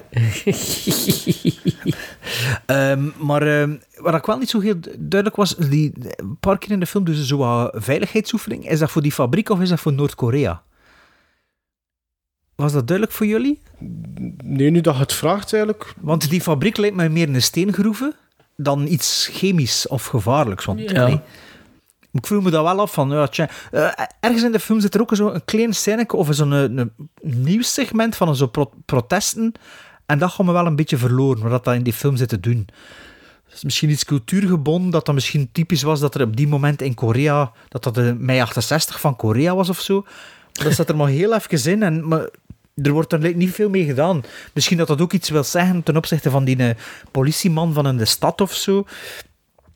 Maar ja, ik vond dat een beetje raar. Ehm, voor mij, eh, Sven, je zegt de film is langdradig. Voor mij sleept de film nergens. Ik vind dat... Nee. Van- ja, maar dat, from- dat from heeft bij mij gewoon met de taal te maken. Ah ja, want het is gewoon van begin tot einde dat ik naar een soort Zodiac-achtige film zat te kijken die, die meer kon... hoe- Hoe, hoe, meer dat erin gebabbeld wordt, hè, hoe meer dat ik dat begin zo te dragen. En in Parasite wordt er minder gebabbeld. Ja, ja, ja. Eh, ik vond niet dat er van die rare humor is dat die in heel veel Koreaanse, Zuid-Koreaanse films wel zitten. en Zo, dat, allee, dat, ik weet niet wat we ooit besproken hebben, dat er zo echt zo van die Gaston en Leo scènes in zitten, maar hier zit, zit dat er niet in. Maar er zit wel humor in, maar niet zo onno, allee, Nee, de oor, oorkus, oorkus zijn bijvoorbeeld. Dat is toch onnozel, hè? Wel, het is te lang geleden dat ik hem gezien heb, dus ik weet al niet meer waarover ik bezig zit. eh. Oh, Ze kuisen, ze kuisen zijn oren, of wat? ja, zij kust toch heel een tijd zijn oren op een gegeven moment? Ja, ik weet niet, Oh, ja, dat is maar is dat zo'n dan... distinctief scène in het begin van de film. Dat je dat ik nog nooit had gezien in een andere film. Een vrouw die een man zijn oren kust. Zo. Maar, ah, met, die- met zo'n kaars of wat? Of, Nee, met of stokjes. Oh, oh, ik weet het niet, ja. Ehm, maar ik heb hier iets genoteerd, maar ik heb mijn zin. Klopt niet, dus ik weet zelfs niet. Er is mij één iets niet helemaal duidelijk. Maar, ik- ja, iets met ontsnappen. Maar ik, ik heb, like een, een twee zinnen door elkaar getypt. Dus, eh, dus er is mij één iets niet, niet echt duidelijk in de film, maar ik weet zelf niet meer wat. Dus het zal wel meege- meegevallen zijn, zeker. Het zal niet gestoord Ehm, hebben. Of toch niet Nee, te het zal hard niet gestoord. gestoord ik- Ja, ik weet niet wat ik, aan- wat ik hier getypt heb. Ehm, ik moet wel zeggen, het einde, omdat ik geen voorkan zat, was voor mij zo'n klein beetje teleurstellend. Maar toen, da- nadien dacht ik van, ja, het klopt wel. Het klopt wel. En Als je het vergelijkt met dingen, met andere titels dat je nu al opgesomd hebt, ja, snap je wat ik Ja. bedoel? ja. En eigenlijk daardoor wordt de, is de impact, vind ik, iets sterker ook. Wel, in hindsight voor mij wel, maar op het moment zelf niet. Ja, oké. Eh, dat, dat, eh, dat, dat epiloogske vond ik op het moment nu niet, maar op het moment zelf vond ik dat ook overbodig.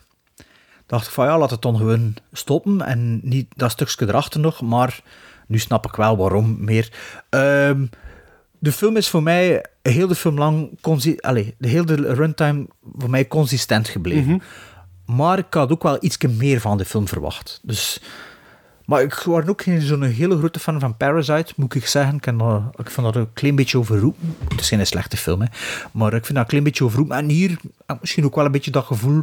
eh, zelfs voor Parasite eh, was die film al op mijn radar en wil ik dat al zien. En kwam het er maar niet van. Want ik dacht ook eh, lang die film dat hij gegeven had, maar met een soort gelijke titel.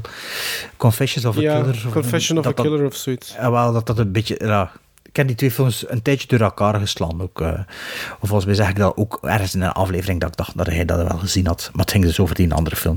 Eh, ja, de muziek ik heb het nog niet specifiek aangehaald. Ik heb het wel nog genoteerd dat het ook hele goede muziek is, eh, inderdaad. Kon ik eens zien of dat op Spotify staat. Kan dat dan misschien... Nee, Nee? ik heb al Ah, gezocht. Allee, Ah ja, zo, voilà. zo een thema, zo, maar zo. En een playlist. Ja. Maar ja. En een playlist. Oké, ja, dus voor ons alle drie wel een aangename verrassing, toch? Binnen, Ja. binnen, de, verwacht, binnen de Ja. individuele verwachtingen. Ja. Allee, we moeten hier beginnen. Moet ik beginnen? Nee. hè? Nee, Sven moet beginnen. Ah, ik geef Kies dat een welverdiende zes. Ik geef dat net een 8 voor de first time viewing. Maar bij mij is dat heel de tijd op dag gebleven en het is heel de tijd een 7,5 uh, gizmos. Oké, ja. Bij mij. Ja.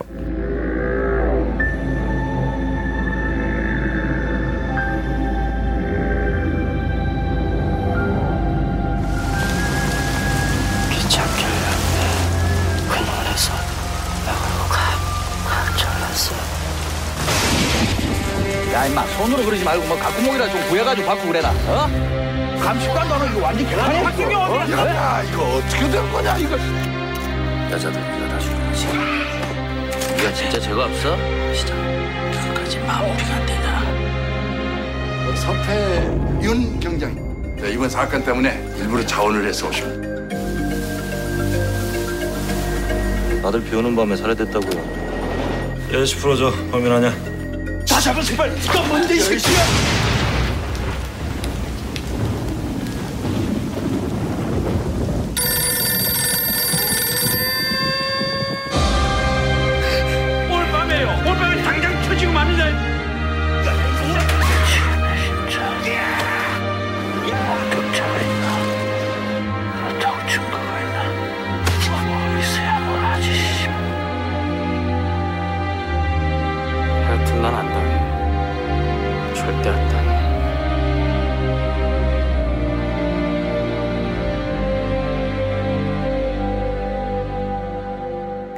Sven was erachter aan het zagen.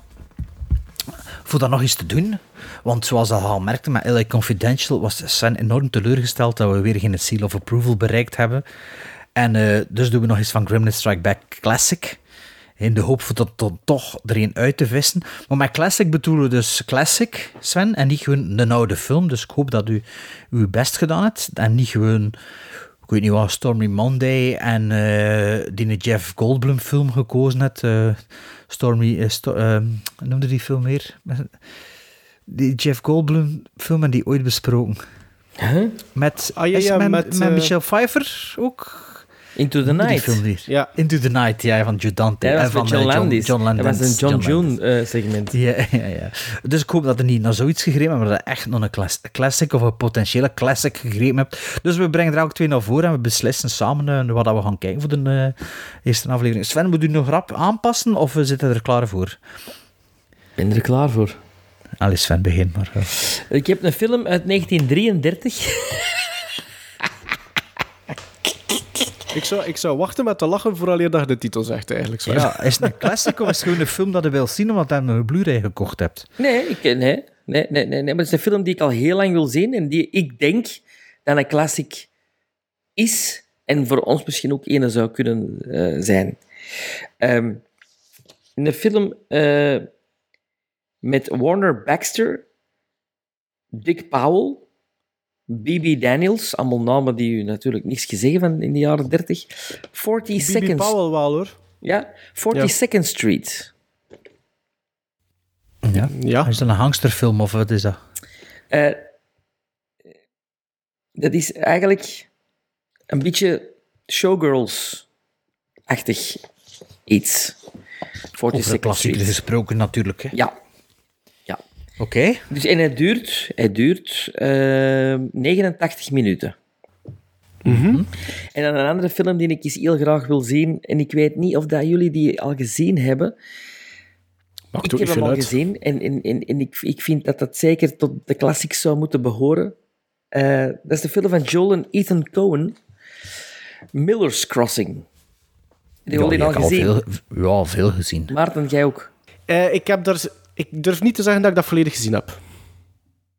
Maar ik weet wel key scenes daaruit. Dus het is daarom dat ik niet goed weet of dat ik dat volledig zie. Maar dat is ehm, twee uur en zeker, hè, Miller's Crossing? Geen idee. Wow, normale lengte, denk ik. Me- oh, wacht.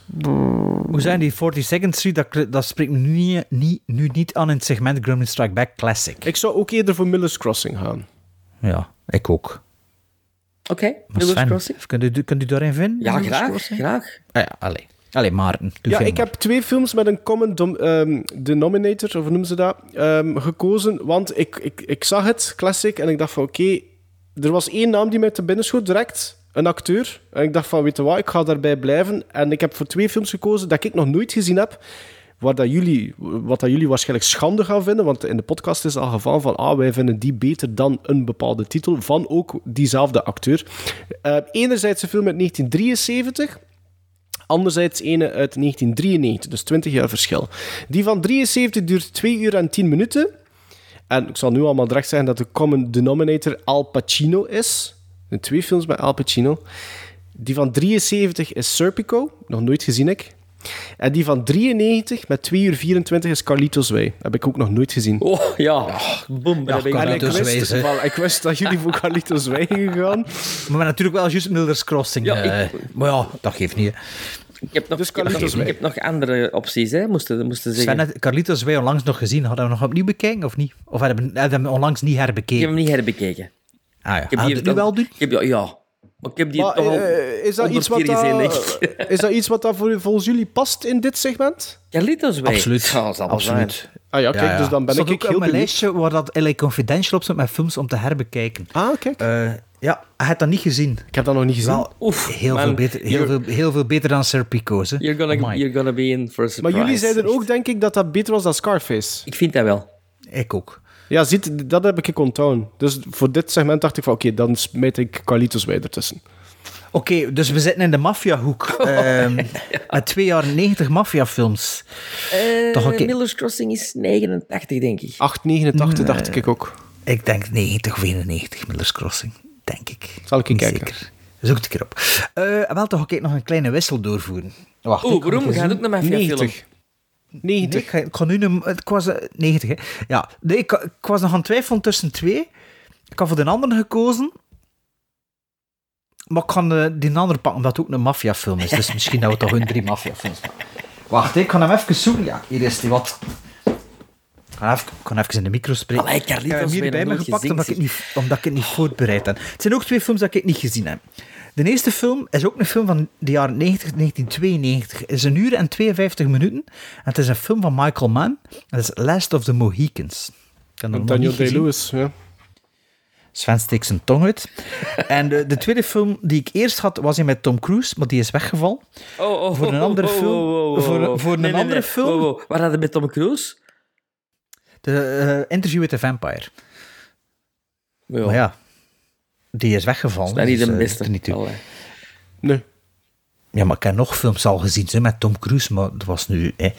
Ehm, het is de, de film dat ik nu ehm, naar voren ga brengen, is een dat ik wel wil zien eigenlijk. Ehm, dat ik dus ook nooit gezien heb. Eh, een beetje ook in het maffia-hoekje. Ehm, mm, van de regisseur waarvan ik onlangs een film gezien heb. En eh, dat, was een van, dat is voorlopig een van mijn beste first-time viewings van dit jaar. Ehm, de regisseur had eh, vorig jaar een film uitgebracht dat ik absoluut niet wilde zien. En dat ik mega goed vond. En eh, nu ben ik aan het twijfelen of dat de regisseur van deze film dezelfde is, maar denk het wel. Eh, ik vond Elvis mega goed. En toen dacht ik van, ja, Chicago heb ik ook niet gezien. En volgens mij is Chicago toch ook van hem, hè? dat is Rob Marshall. dat is- Rob ja, Marshall. shit, ja. Ja, dus ik wist het al dat ik aan twijfelen. Maar dus mijn, mijn tweede film is Chicago. Maar dat is een musical, hè?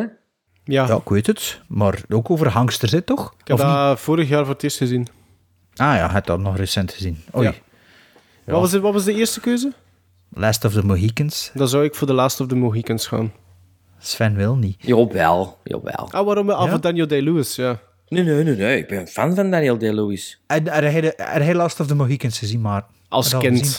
Want dat was vroeger op BRT om de Oh, drie dus weken, geen anime over Chicago. Ik dacht, oh, iedereen gaat zeggen, oh, Ik heb cool. dat gezien. Ik, ik, ik, maar ja, ik ga daar niks over zeggen nu, want als u toch... Sven, heb jij goesting, eh, meer goesting in Chicago? Nee. Maar is, is het alweer weg? Is het alweer weg? Het is goed. Ah, The Dacht, Last of the Sven, Mohicans dat is- dan, Sven, oh, een musical en zes Oscars. oh, oh. Ja, Last of the Mohicans, ja, het is toch wel geen maffia-thema. Of moet ik in mijn bak grabbelen voor nog een andere Ik heb, ook wel, ik heb ook wel vorig jaar de originele Chicago gezien. De silent movie. Dat was wel, in de, dat was wel interessant. Maar dat is niet de En dat is musical, hè?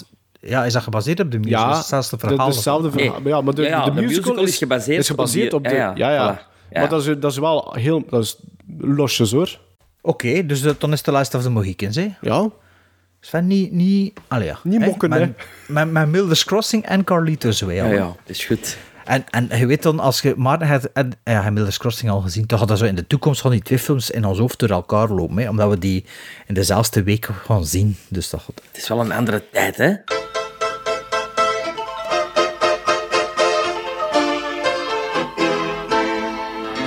Show me the money. I got a box. We got a box! Oh, what's in the box? I'm gonna open it. What's in the fucking box? I'm gonna open it. A real big spender.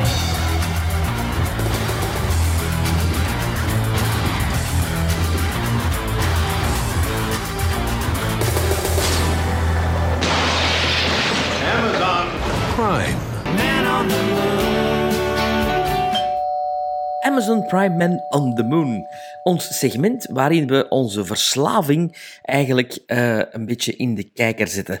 Ja, en dat zit altijd wat dieper in een aflevering verstopt. Van moest, moest natuurlijk onze vrouwen of eh, partners luisteren naar die aflevering, dat ze zo, meestal trekken ze dat toch geen uur, ze dat geen uur vol, dan weten ze niet wat we allemaal uitgegeven hebben. Dus dat zit nooit in het begin van de aflevering. Het gaat dus over onze aankopen, beste luisteraars. Onze aankopen van fysieke media. Films, meer bepaald. Op, eh, Ja, films. Ja, liefst films, ja. Voor de, voor de, voor de podcast is dat wel handig, ja. Klopt. Moet ik... Ik kan, eh, ook wat series, ik kan ook wat series. ik, ik, ja. ik weet dat jullie eh, mooie koopjes hebben gedaan. Bij Indicator onder andere.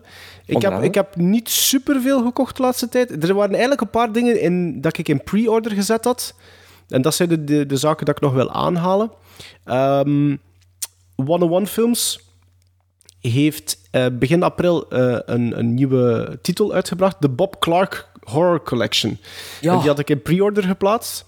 En waar kennen we Bob Clark van? Van eh, Black Christmas. Stellar Dweller. Black Christmas uit 1974, dat wij nog besproken hebben in de podcast. Orkies. Die had ik, die had ik maar dat is een, dat is een, een, een upgrade. Dan in die collection, want het zijn drie films, zit ook Death Dream. Als ik me niet vergis, was dat een video nasty, dus die was geband, ook van 74, van hetzelfde jaar. En Children Shouldn't Play With Dead Things uit 72, wat dat wel een titel is dat ik eh, al heel lang naar uitkijk om te zien.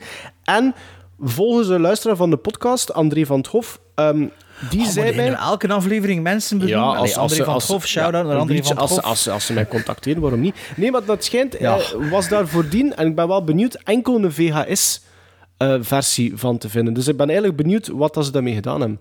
Ah, Maar was er ook geen box met Cellar Dweller of zo? Of was dat niet op 101? Zo met een hoop van die Eh, nee, 80s, ik heb zo, eh, zo DVD van Shout, denk ik. Ah, Arrow, Arrow, Ik heb Arrow. bij Arrow die grote besteld waar dat Dolls in zit, een Cellar Dweller. En Ah, is die zo'n- nieuwe box. Ah, Charles Ja. Band. Ja, echt, Charles met die, die purperen, die purper. Oh, dat is Ja, dus ja, ja, ja, ja, echt, ja, ja, ja. Take my money, echt waar. Dus die heb ik, die heb ik gekocht. Ehm, dan mijn nieuw label Wicked Vision heeft de Monster Squad nu uitgebracht. Die is nu verzonden. Ja. En ik denk... Ah, is die al effectief uit? Hij is verzonden, ja. Ja. Hij is verzonden Ja. ook. Maar ik denk, maar ik ben daar niet zeker, want in de tijd vond ik daar eigenlijk alleen maar in, de, in een bepaalde price range een Spaanse bootleg van. Klopt. Dus ik vraag me af, ken- is dat nu de ja. eerste Europese release van die film? Dat zou wel kunnen op Blu-ray.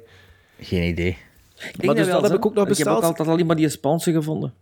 En Hmm. ehm, op Eureka heb ik in pre, had ik in pre-order de sequels op Mr. Vampire gekocht. Dus, Ah eh, ja, die 2, 3 en 4 daar ja, zeker. ja, dat? klopt. Ja, klopt. En die is al uit? Die, die had al in de Ehm, bus? nee, die komt denk ik ehm, volgende maand denk ik uit. Dus dat zijn Ah. de drie pre-orders, waarvan dat er twee nu effectief al verzonden geweest zijn. En ik weet het, want ik heb ook al 34 euro weer extra moeten betalen met dank aan Bpost. Maar dat is raar, voor- ik, voor- ik betaal geen ja, extra's niet meer. nooit. Ja, weet je waarom? Omdat ik, volgens mij is dat omdat hij in Antwerpen woont en ik in het kleine Asper. Sven. Maar nee, maar via, via waar had je besteld? 101. 101. Ja. Ah ja. Oké. Dus De 17, Arrow- 17 met, euro douane. Indicator, met Indicator Nee, nooit, Indicator met Amazon meer, nooit. Eureka ook nooit. Ja, dat gaan we Ja, nog zien. En, en, en Arrow. Eigenlijk, Arrow heb ik al lang niet meer gekocht. Ik ook niet. Dat is echt al Ah, heel lang zo. Ik is nu zo wel. opgedroogd. Ik zal daar maar Ja, ja, beginnen. nu hè. wel. Ja, begin maar. Ja. Ik heb de Dunwich Horror gekocht. Een, eh, Mhm. Een, ja, een Edgar Allan Poe, Roger Corman, H.P. Lovecraft-achtig eh, filmpje. Dat ik eigenlijk ben blind by. Mordine Stockwell en Ed Begley en Lloyd Bochter doen erin mee. Dus, en ik vond dat een keicoole kaft. Ik heb het Ja, gewoon op de kaft. die, die is al lang, hè. Die is al lang. Ja. Dus samen met de prachtige, prachtige versie van Amai, ja. The Last Emperor, de limited edition, met een boekje bij. Ja, dat is eindelijk eh, een goede uitgave van The Last Emperor. Dat was bij Arrow. En dan bij Indicator heb ik mij eens laten zot gedaan, omdat er zo wat... eh, er was, 2 plus 1 gratis, hè, was het onlangs? ja, zo weet 3 voor 15 of zo. Eh, Ja, of, ja, ik weet het niet meer. En juist. die is Sam, Samuel Fuller, Storyteller, volume 1 en volume 2. eh, als, de, de, de- als schrijver dus, Samuel Fuller. En, Ja, dat heb ik gisteren ook ontdekt. Ik heb gisteren ook eh, It Happened in Hollywood eh, ah ja, maar er stond dus bij, en dan zag ik dan die storytellers. Dus het zijn allemaal Ja, niet- scenario's. ik had niet dat ook niet, maar ja. Maar leuk omdat dat zo films van een uur zijn en zo. Hè. Dus dat, is, dat, dat, vind ik plezant. Ehm, in diezelfde dingen heb ik dan de Big Heat van Frits Lang, die vorig jaar in eh, mijn top eh, first time viewing stond. En Mhm. ook eh, Ministry of Fear van Frits Lang heb ik Ja, dan ook. Dat is die dat ik zei van dat hij ook zonder verpinken kon bekijken. Hè. Voilà. En dan had ik er nog twee. En ik dacht, oh, een Sean Connery die ik nog niet heb, van Sidney Lumet. De Anderson tapes. Nog nooit gezien, ook niet. En dan de line-up met Eli Wallach. eh, een Don Siegel. Oh, Don Siegel. Ah, ja, oké. cool. Ja. Dus, eh, en dan heb ik nog een Eureka gekocht. Paper Moon van Peter Bogdanovich met Ryan O'Neill en Tatum O'Neill en Madeline Kahn. Ehm, omdat ik denk dat Paper Moon... Omdat de Last Picture Show zo goed vond. Nee, dat niet. Maar ik denk dat Paper Moon in, in, eh, bij de, bij de eh, archive ehm, besproken is geweest door Quentin Tarantino. Ja, volgens mij niet. Ik weet het niet. Weet. Ergens, ergens heb ik er iets over gehoord en, en ik dacht van, amai. Ja, ik denk het wel. Paper Moon, dat is een Ja. van de, een zo van Zit de drie eerder- films. Zit, zit dat niet eerder bij uh, Judante geweest? Nee, want het was echt uitgebreid. Ah ja, oké. Ja, dat kan. En eh, voilà. Dus dat is mijn... eh, En dan heb ik die een box van Charles Band eh, in pre-order. Daar heb ik gezegd, oh, dat, dat, is- dat, dat ziet Ah, er zijn allemaal Charles Band? Ja. Dus, Oké. ja, ja, Ja, oké. het is Charles Band thema, eh, Oké. Ja, Cellar Ja, Dweller. voor- Empire, hè? Ja. Empire, nog. Cellar Dwellers Empire nog, dacht ik. Ja. Dat is Ja, Empire, ja, ja. het is Empire. Maar Cellar Dweller heb ik op zo'n Amerikaanse import-DVD waar dat er zo vier, vier films in zitten. Of zo. En Cellar Dweller is Ah ja, ik ken, van. ah, ik ken ook. Is, het- Ik heb twee het zo'n met edities. Shopping Mall, met Shopping Nee. Mall in? Eh, Waxworks? Maar dat was ook zo'n dat soort editie, ja, inderdaad. ja, ik ken, ik ken ook Maar dat is wel een, boxen. een knap unboxen, hè? Heb je die al eens gezien? Eh, niet zo duur, hè? Nog geen 60 pond was het Zoiets, volgens ja. mij. En voor Ja, v- allee, ja, vijf, niet zo duur. vijf of zes films, denk ik. Eh, Oh, en dan na zag ik nog iets verschijnen, zo'n grote box voor Bruce Lee. Heb je dat gezien? Ja. Arrow, hè? Oh, ziet er schoon uit. ken, ik Bruce ken, Lee, een, ik ken is- een DVD-box met Ik heb alle niks van Bruce. Lee. Maar het is Bruce Lee at Golden Harvest. Ja, Dus maar het het is- met... Dat, was, dat is alles behalve Enter the Dragon, geloof ik. Nee, nee, Enter the Dragon zit erbij. New Way of the Dragon? Ah, ja, dat kan ook. In ieder geval, Chuck Norris stoot erin mee. Dat is Way Dat is the Enter- Dragon, hè? Nee, dat is Enter the Dragon, hè? Ja, voor, eh, moet ik, ja, dat is een sketch. We zijn nu gewoon een sketch of een scène uit de Office aan het naspelen. Hè. Dus, dat is echt letterlijk, hè. de night hier en de andere, de originele Office. Dus misschien moet je dat gewoon even op YouTube opzoeken. Eh en zijn nog geld uitgegeven dat we mogen weten, of niet? Eh, nog geld uitgegeven? Nee, op het moment nog niet. Nee, nee. Allee, ik moet eh, dringend een even laserdisc gaan kopen, want mijn laserdisc is kapot. Ah, ja, Dus, jij eh, kende toch iemand die er zo, ik weet niet hoeveel heeft? Ja, ik moet er nog eens langs geraken, ja. Ah, ja. Ik, heb, ja. ik heb nog wel dingen op laserdisc die ik wil terugzien. Bart is ondertussen zijn aankopen van de, de grond aan het rapen. Dus de, de, zijn bureau ligt bezaaid Maar- met nieuwe aankopen. Ja, ik, Oh, ik heb ja, gewoon ja. een Blu-ray gekocht van dingen ook. In de mediamarkt, zo. Die, die zat in een bak. Ha, ehm, hatching. Ah ja, ik heb het daarover gehad in, in onze Halloween live. Ah ja, voilà. Ja, die, heb hè. ik, die heb ik... eh, Ah, ja, ja, ja. Ik had nog gezegd, ik moet dat samen met Robin Rosie bekijken. Ja, ah, wel. Ja. Die, die- ik heb het daar laten zien. En ze, en ze zei, oeh, ja. Ja, vond ze het interessant, maar het is wel een toffe cover, hè? Allee, Ja, een enticing toffe cover, hè? cover. Ja, ik vind Ja. dat ook. Ja, ik heb hier ondertussen al een grabbel gedaan. Ik heb hier echt drie bakken bij me staan. Maar ik heb eerst mijn Blu-rays erbij gehaald. Dus ik heb inderdaad ook de indicator aankopen gedaan. Ehm, een beetje haatjes opgevuld. En, eh, Ja, ga, gatjes opgevuld. Ga het godverdomme twee grote zakken even als buiten gesleurd. Laat mij toch een keer met een opbouw doen. Ik ben bezig over indicator. dat zijn gotes. Nee, dus eh, bij Indicator heb ik dus ook geprofiteerd van de sales. En ja, dat was toch een kleine 100 euro dat ik betaalde. En hoeveel heb ik hier? 2, 4, 6, 8, 10, 11, denk ik. Dus hij had er nog ergens anders in ligt. Eh, dus inderdaad, ik heb ook die twee keer die Sam Fuller Storyteller, volume 1 en 2, eh, gekocht. En dan eh, enkele films die we in de podcast besproken hadden, wat ik dus nog niet zelf had of upgegrade heb. Dat is namelijk The Big Heat van Fritz Lang, Blue Collar, Murphy's War, Hardcore. Ik heb een upgrade gekocht van Body Double.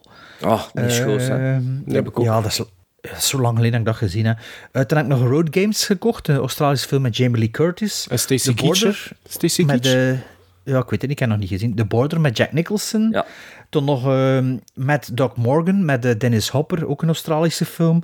En toen nog eh, voor mijn eh, John Carpenter collectie, te, niet te vervolledigen, maar voor een handje bij, Ghosts of Mars, dat ik slecht vind. Maar ja.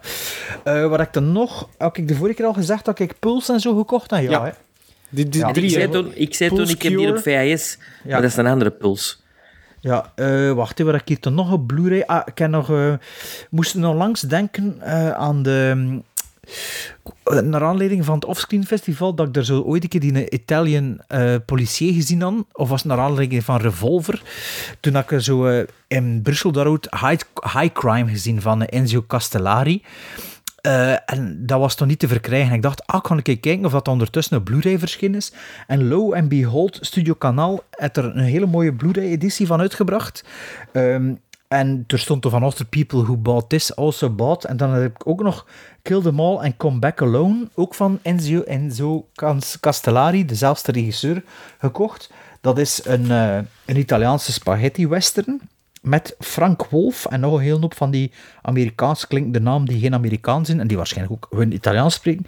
En dus dezelfde versie hier, kijk jongens, dit is dus die eh, High Crime. Ah, ja, ja, ja. Ja, fantastische film. Maar in diezelfde reeks, Cult Classics noem het, van Studio Kanaal, zag ik er ook nog een andere Early Podcast Days eh, ontdekking tussen staan, dat eigenlijk ook nog geen deftige release had. Die heb ik dan maar ook maar ineens gekocht.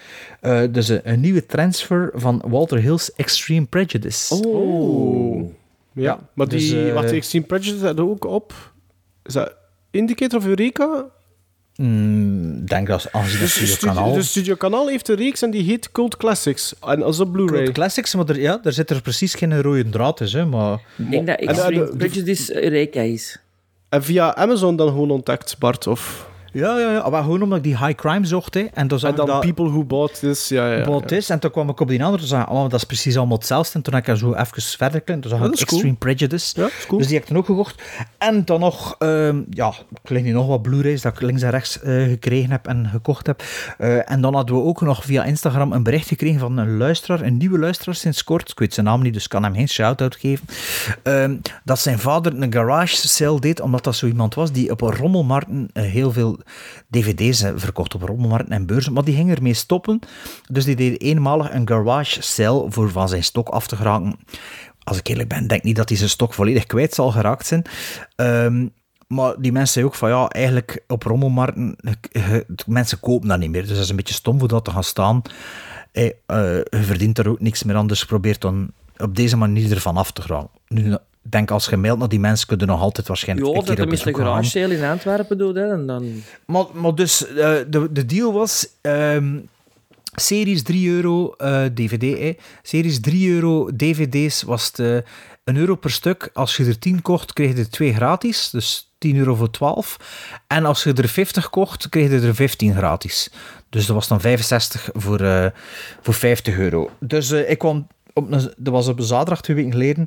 Ik eh, samen met eh, mijn buddy Jelle Gordijn, shout-out naar de DVD-kast, noemt ze een podcast. Dus eh, als je dat niet kent, check it out. naar het verre Tielt-Wingen gereden in West-Vlaanderen. En daar een deur opengetrokken. En er was er een volledige tweedehands DVD-winkel achter verscholen. Een, een pop-up DVD-winkel. Waarna dat we eigenlijk gewoon ja, beginnen graven zijn. En ja, op een stapel gelegd, wat ik nog niet had eigenlijk. Hè. En toen op het einde dacht ik van ja, ik zal een keer zien ja, hoeveel dat er zijn. En ik heb effectief wel gaten opgevuld. Hè. Eh, het toffe aan zo'n actie is dat je schoon kunt zien wanneer dan de mensen gestopt zijn met dvd's kopen. En ook wat dat de, echt de grote verkopers waren. Dus ja, Top Gun zit er tien keer in, Grease zit er vijftien keer in, Flashdance, eh, Dirty Dancing. Maar dan ook zo, soms films, dat, hoe komt er dat er zoveel erin zit? Predators zit er heel veel in. Ja. Met, de, met de Adrian, Adrian Brody. Brody. Dus ik heb die dan maar opgepakt. Maar kijk, ik kan hier keer echt gewoon even kijken. Waar zie ik hier zitten? Siske de Rat, Look Who's Talking, Look Who's Talking 2, Bonnie and Clyde, Desperately Seeking Susan, ehm, Halloween Resurrection, The Haunted Mansion. Ja, Siske de Rat bijvoorbeeld, dat vind ik een moeilijk te vinden titel. Voilà. Er kan ook wel veel dingen meegepakt dat ik dacht van ja, dat komt er niet veel Nee. tegen. Eh dingen over Castellari gesproken, volgens mij is dat ook van hem. Hier, eh, dat is wel een van de zeldzamere dat ik gevonden heb. Een film met Vic Morrow en Fred Williamson. 1990, The Bronx Warriors. Ja. Ja, dus, maar dat is wel... Allee. Maar wat heb ik hier nog gekocht? Eh, Catwoman. Pff, Best van ja, why not? Eh, wat heb ik hier vast? Ah, een paar Disney-films dat, nog niet, dat nog niet had.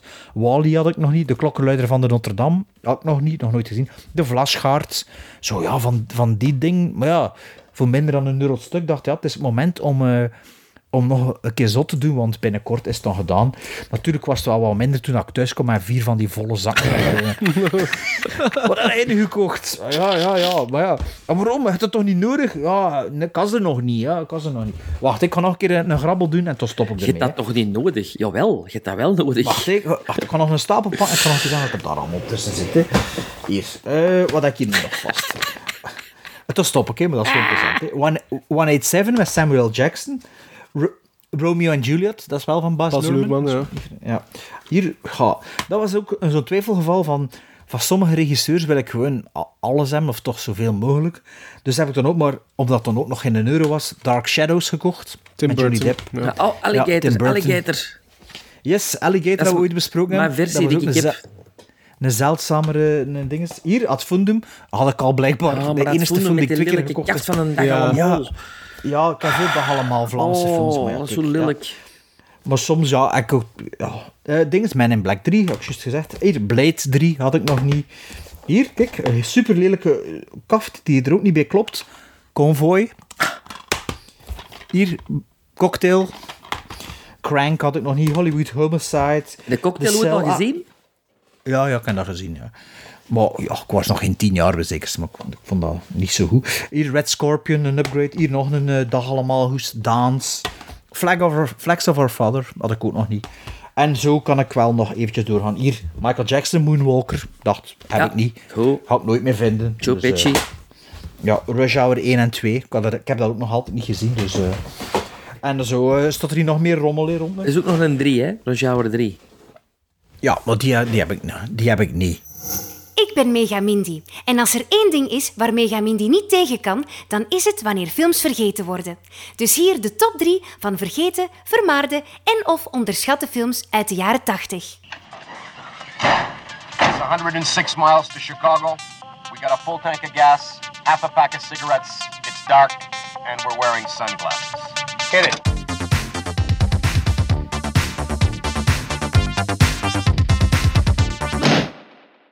Bueller. Bueller.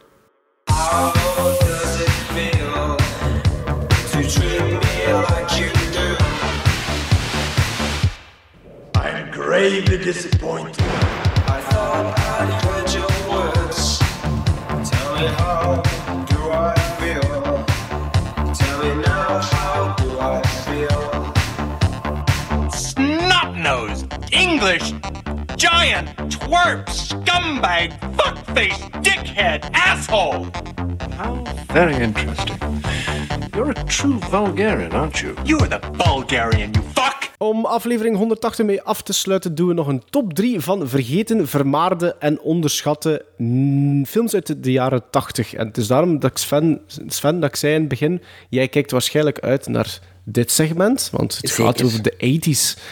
Dus ja, we, doen, eh, we halen elk drie films aan die misschien opnieuw wat aandacht mogen krijgen. En dat was eigenlijk heel ruim te interpreteren, want het gaat over de volledige 80s. Dus eigenlijk dit zou ik met gemak nog tien keer kunnen doen, denk ik. Ja, Eh, maar... Of dan zijn we de alle, alle afleveringen van acht van de Ah, jaren kijk. 80 bedoeld. Ja, dan zouden we eigenlijk misschien... Nee, zwart. We Nee, zullen zien. dat We zullen zien. We zullen zien. Eh, mag ik beginnen? Ik, ehm, Ik heb op nummer 3 een film gezet uit 1988 van 1 uur 43 minuten. Eén voor mij dan toch. Een van de beste zwarte comedies eh, ooit gemaakt. En de titel is Heathers uit 1988. Met... Oh, dat Coming to America. Nee, dat is geen zwa... Ah ja. Sorry, ik heb hem. Nee, eh, met eh, onder andere Winona Ryder, Shannon Doherty en Christian Slater in de hoofdrollen. Over wat gaat dat? Eh, Winona Ryder, Veronica, eh, komt nieuw toe in een, eh, in een high school en ehm, wil in het klikje van de drie populairste eh, meisjes komen. En die drie meisjes heten allemaal Heather. Dus daarom Heathers. Maar wie komt ze ook tegen? Eh, een soort van sociopath genaamd JD, wat dan een rol is van Christian Slater. En nadat ze die ontmoet, ehm, gaat ze zowat in een neerwaartse spiraal met verstrekkende gevolgen. Ik vind dat een hele leuke film. Ik heb die, ehm, denk ik, twee jaar geleden voor het laatst gezien. Ik denk dat ik het twee of drie keer misschien al gezien heb, Heathers. Maar ik vind dat een hele onderhoudende film. En ik vind dat echt een hele goede zwarte komedie. Ja, mooie uitgaven ook van... eh, Arrow? Arrow, ja, klopt. Ja, Ik heb dat nog niet gezien. Eh, maar volgens mij was de scenarist onlangs bij Joe Dante. Heb jij Heathers nog nooit gezien? Ja. Verwar dat ook zo met een andere film die eindigt op ers. Maar ja, Rounders, Grifters, eh, Sliders, maar dat was het tv-programma. Dat is het tv-programma, ja. Ja, dat is zo allemaal een beetje een moest in mijn Daniel Waters, scenarist. Ja, ik denk dat hij denk, ja, denk dat hij daar zat. Maar, ik, had- ik was aan het luisteren terwijl ik aan het Dat schilderen klopt, was. dat klopt. Ja, weet je maar, we hebben er ook nog gedaan, hè? podcast geluisterd terwijl we aan het schilderen Klopt, klopt. John, La- John Landis, ik me goed Ja, herinner. ja, ja, het zou kunnen. Ja, ja. Dus ja, dat was mijn nummer drie, Heathers. Mijn nummer drie is een film van 1988, hetzelfde jaar als Heathers. Ehm, hij duurt twee uur en het is een beetje een comeback eh, film. Meer bepaald een comeback film. Come Back to America? nee, een comeback film van de regisseur. Ehm, want de regisseur is Dennis Hopper. Ehm, en Dennis Hopper was toen in een soort van eh, nieuwe fase van zijn leven, eh, sinds eh, Hoosiers. Blue, Blue Velvet. Ah, ja, Blue nee. Velvet, Hugh Hoosiers. maar ook als regisseur wou hem zich terug bewijzen. En hij maakte voor mij nog altijd een van de strafste politiefilms die in de jaren tachtig zijn verschenen. Niet zozeer een buddy cop action comedy, maar echt een, een rauwe...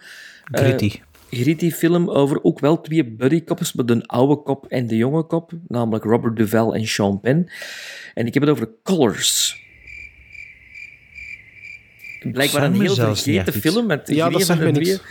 Ja, dat is echt een straffe film. Is, is niet zo makkelijk te vinden. Eh, het gaat over de, de gangs in L.A., eh, over de Crips en de Bloods. Ah, oké. Mhm. En de, Ah, eh, dat, was echt zo, dat was echt op die moment ook zeer actueel. Want het was eigenlijk happening als die film eh, uitkwam. Ehm, en ik vind dat een hele straffe, onderschatte, vergeten 80s film. Met twee topacteurs, Sean Penn en Robert Duvall. Over een LA-subcultuur eigenlijk. Ja, over de Crips. Oh ja, de Crips. Gang Wars. De Gang Wars. oké. Ja. Ja. Eh, mijn film had ook over eh, LA-subcultuur. Is een drama van 1983 van 94 minuten. En het is een fictiedebuut van een vrouwelijke regisseur, Penelope Spheris. Penelope Spheris kennen we van andere dingen, waarover ze dadelijk meer. Maar dit is een film genaamd Suburbia. Eh zegt jullie misschien niks. Het is een film met onder meer Billy Coyne, Chris Pedersen en Flea van de Red Hot Chili Peppers. En eh, Suburbia, ik kan even de synopsis erbij houden. Door problemen thuis en een laag zelfbeeld loopt Evan weg, weg, weg van huis en sluit zich aan bij een groepje punkers. Afhankelijk vormen ze een nieuwe familie voor hem, maar een tragisch incident drijft hen uit elkaar. Eh, dat is een, eigenlijk in de punk middens, of de hardcore punk, een legendarische film. Waar dat die eigenlijk eh, een eh, spectaculaire soundtrack had eigenlijk. Ik kende de film eigenlijk, voordat ik de film kende, kende ik de soundtrack of de reputatie van de soundtrack. En dat is, voor mij was dat zo, toen ik into film kwam, iets dat, ja, ik wist dat bestaan ervan, maar hier vonden dat niet. En allee, ging dat ik niet op koop, koopvideo vinden. En ik heb dat ooit gekocht in de zomer van 2002 op een punk optreden in een kelder in Boston. Was er iemand bootleg hardcore punk video's aan het verkopen. Onder andere deze film op een zo met een gekopieerde hoes, een Amerikaanse Is dat een zwart-wit foto met eh, gekleurde letters Suburbia? Dit is de hoes, want 101 Films heeft er een eh, luxe editie van uitgebracht. Ah, ja, die zit op Black Label ook zien? zeker, hè? Suburbia? En wat kan ik zien of dat er een andere... hoes- Dit is eigenlijk de, de, de echte hoes. Ja, het is Ah, Black Label. Ja, oké. Hm. Ja, dit is de echte cover, dat ik ook in mijn bootleg, eh, mijn bootleg staat. Ehm, ik weet er niet meer zoveel van, want ja, ik heb die toen gezien, die eh, One-on-One film moet ik nog een keer opnieuw bekijken. Maar in de film zit er echt wel eh, legendarische live footage van zo'n bepaalde, ja, toen underground bands, nu legendarische bands. Ik zal ze opnoemen voor de kenners. DI, TSOL en The Vandals, die staan ook op de soundtrack. En Penelope Spheres is later dan ook bekend geworden met haar... met haar, eh, wacht, haar debuut. Ah ja, haar debuut oorspronkelijk was een punkdocumentaire genaamd The Decline of Western Civilization. En als je, eh, hoe noemde dat, eh, revolutionaire muziekdocumentaires opzoekt en al, had die er altijd tussen staan. Omdat ze the right person at the right time, the right place was. Er zitten beelden in. Denk van het laatste concert misschien van, van The Germs. En The Germs is een groep waarvan dat de zanger ook zelfmoord gepleegd heeft. Dezelfde dag als John Lennon neergeschoten is. Ehm, dat eigenlijk, ja, die was 18, 19 jaar. Die had een hele cultus rond zich. En de gitarist van die band was Pat Smear. En Pat Smear is die gitarist die later bij Nirvana gaan spelen is, bij MTV Unplugged, en die nu nog altijd bij de Foo Fighters speelt. Dus het is allemaal verbonden. Over muziek gesproken, Penelope Spheres is het bekendst voor eh, Wayne's World, dat ze geregisseerd heeft. En daarna heeft ze een kleine momentum gehad in Hollywood, want na Wayne's World, het hier genoteerd, heeft ze de Beverly Hillbillies geregisseerd, die Little Rascals remake. Of, Ja, die niet en, is. ja, en Black Sheep. Dan, en daarna was het Oh, momentum een beetje gedaan. funny movie. Ja, en dus The Decline of Western Civilization is eh, gedurende de jaren 80 en begin de jaren 90 nog twee vervolgen opgemaakt. En de tweede is ook legendarisch, omdat dat toen over de heavy metal had. Dus eh, daar zit er ook zo heel specifieke footage in en zo. Maar dan zal die Dus, ook wel eh, Saturday Night Live gedaan hebben, hè? Als, ze die, als ik dat zo hoor. Dat ze- Wel, nee, ze, ze was LA-based. Dus eh, ah ja, omdat ze Wayne's World gedaan had. Ja, misschien dat In ze Black wel- Sheep. Is dat ook... eh, is dat ook komt dat ook... eh? Ja? Dat was eh, Chris Farley zeker, hè? Ja, En, Chris Farley, eh, ja. En... David Spade. David Spade, ja. Eh, dus eh, mijn, nummer- mijn nummer drie, Suburbia, een film dat jullie misschien nog niet gezien hadden. Nee. Nee, nee. Ik was, ik, ik- maar nu dat, je die cover ziet, dacht ik van ja, met die newsletter van 101, dacht ik van ja, dat is juist. En dat is nog een, recente uitgave, hè, die Suburbia. Wel, dit, dit, die heb ik gepreorderd omdat het zo limited edition Ja, was. En ja. Ik zag dat dan in mijn mail en in dezelfde minuut dat ik dat dan bestelde, dacht ik ook van... Ja. Op nummer 2 heb ik een, oorlogs, een oorlogsfilm staan. Ehm, eentje die wel vaker, denk ik, in het rijtje voorkomt, maar daarom niet vaak bekeken wordt. En ik vind dat wel een redelijke goede eh, oorlogsfilm. Van 2 uur en 3 minuten uit 1983. Met in de hoofdrollen Ryuichi Sakamoto, Tom Conti en de enige echte en veel te vroeg overleden David Bowie. Van regisseur Nagisa Oshima, namelijk Merry Christmas, Mr. Lawrence. Ik vind dat een interessant... ehm, En hebben we niet meer dubbel zeker, we hadden hem ooit een keer aangeboden en ik moest hem toen Ja, niet hebben. En ik heb het dan nog beklaagd achteraf. Die is Eh, weg- ik is denk dat hij weg is. Ja, ik denk dat hij weg is. Ja. Ehm, maar ik zal ze een beetje kijken, Bart. Ehm waarover Ik het denk, dat gaat... ik, die, ik denk dat ik die heb. Zou kunnen dat hij die gepakt Zou hebt dan, kunnen, ja. Ja. Speel hem af in, eh, tijdens Wereldoorlog 2. Ehm, David Bowie speelde een Britse kolonel die in een eh, Japanse eh, prisoner of war camp eh, terechtkomt. En er is een clash van culturen. Daar gaat eigenlijk de film over. Ehm, maar ik vind, ja, ik vind dat een hele interessante film. Cinematografisch vind ik dat ook een mooie film om naar te kijken. Er zitten hele toffe beelden in. Ehm, en gewoon, ik heb het wel, ik heb dat al een paar keer in de podcast gezegd, als dat zo over van die eh, POW-camps gaan, ik vind dat een heel interessant gegeven. Over hoe dat, daar, de hiërarchie daarbinnen, ehm, hoe, dat ze daar, hoe dat, dat geleid werd. Dus dat, dat, dat, dat piques my interest altijd. En dat is wel een titel die heel vaak voorkomt, maar ik heb wel nog altijd de indruk dat dat, dat, dat wel zo een is die weinig mensen dan ook effectief hebben gezien of zo. Mhm. Je hebt ook Het is een ook andere zo'n titel, hè? Furio. Nee, ah, wel. Heeft inderdaad Ah, ja. een andere titel, klopt. Maar dat is ook geen goede titel. Maar Merry Christmas, Mr. Lawrence, dat klinkt als een kerstfilm. En Ja, dat is absoluut een vreemde. Ja, ja, dat klopt. Dat klopt. Dus, maar net allee, daarom ook dacht ik van, oké, ik smijt hem nu wel Ja, in deze... Het is ook da- daarom dat ik hem toen zei, pff, moet dat eigenlijk niet in. eh, pff, maar ja, Een goede score vind ik ook in, eh, in die film. Ik weet Hele goede wie. score. Ja. Ah ja, kijk, voilà. Ja. Sven beaamt. Dat is altijd fijn als het over scores gaat. Maar ja, kijk, dan vond ik het nu een geschikt moment om Merry Christmas, Mr. Lawrence toch wel in deze top 3 te vermelden. Mijn nummer twee is een film van het gezegende jaar 1986. Ehm, dat toch wel een van mijn favoriete filmjaren is. Maar een film die je vergeten wordt als we over het oeuvre van Sidney Lumet spreken. Eh, een film met Jane Fonda, Jeff Bridges en Raoul Julia, getiteld The Morning After.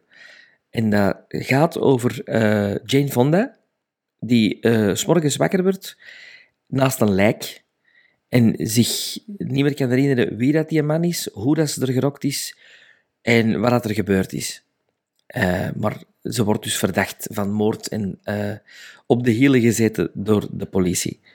Een zeer goede eh, eh, psychologische thriller in, de, in het genre van The Jagged Edge van het jaar ervoor, ook met Jeff Bridges en met Glenn Close. Maar deze film ademt wel heel, heel wel jaren tachtig uit. Ook, het speelt zich af in het broeierige Los Angeles ook. Ehm, en is een film die zowel in het oeuvre van Jane Fonda als van Jeff Bridges als van Sidney Lumet eh, vergeten wordt. En ik heb die een, eh, onlangs teruggevonden op VHS en ik ben heel blij. Maar Sidney Lumet heeft natuurlijk wel heel veel films gemaakt. hè, Dus ja. zo, allee, ik denk dat hij bijna 50 films gemaakt heeft. Zo. Dus als er van hem wat films vergeten zijn soms, eh, is natuurlijk niet zo raar. Hè. We Ja. kennen de film niet. Ik heb hem gezien in het cinema destijds. Ah, tof. Eh, mijn eh, nummer twee is een film eh, van 1988, een thriller, ehm, ook in het broeierige L.A., onder andere. De regisseur heeft in totaal vier films gemaakt, en dit is zijn tweede film. Maar eigenlijk is hij vooral bekend als scenarist of co-scenarist van, zet u schrap in man, Chinatown, McCab and Mrs. Miller, The Last Detail, Bonnie and Clyde, Cisco Pike, New Centurions, The Parallax View, The, the Yakuza, Shampoo, Heaven Can Wait, Greystoke, 8 million, way, 8, millions way, 8 million Ways to Die, Frantic, Days of Thunder, The Firm, Mission Impossible 1 en 2 en ook van deze film met Mel Gibson, Michelle Pfeiffer en Kurt Russell, Tequila Sunrise. Ehm, een film dat voor mij tot voor kort onbekend was. En dat ik in een kringloopwinkel gekocht heb in een box samen met Tango en Cash, een andere Kurt Russell vehicle dat ik nog moest hebben. Eh, dat zat samen in een doos en eh, ik heb die gezien op 13 augustus 2019 voor de eerste keer en ik had er zes gizmos gegeven. Ehm, heel veel weet ik niet meer ervan. Ik zal misschien even plot eh, erbij halen. Een voormalige Los Angeles dealer probeert op het rechte pad te blijven, maar zijn connecties met de onderwereld zorgen ervoor dat hij in het vizier komt van de DEA, DEA de Mexicaanse politie en Mexicaanse drugskartels. Ehm, een beetje een slow burner, zo wat hard-boiled, maar heel sfeervol. Eh, als ik me goed herinner, zo 80 soundtrack ook. En ja, eigenlijk Miami Vice-achtig. Miami Ehm, Vice, maar eh, op, eh op spieronspanners. Ja, ja zo Miami Vice, maar een beetje de... eh, Op de- Quaaludes. De, de, de, de Chase High... De Chase... De Chase... Ice, Chase High Q eh, video Outrunner. Ah, noem- Ken je dat? Die arcade game?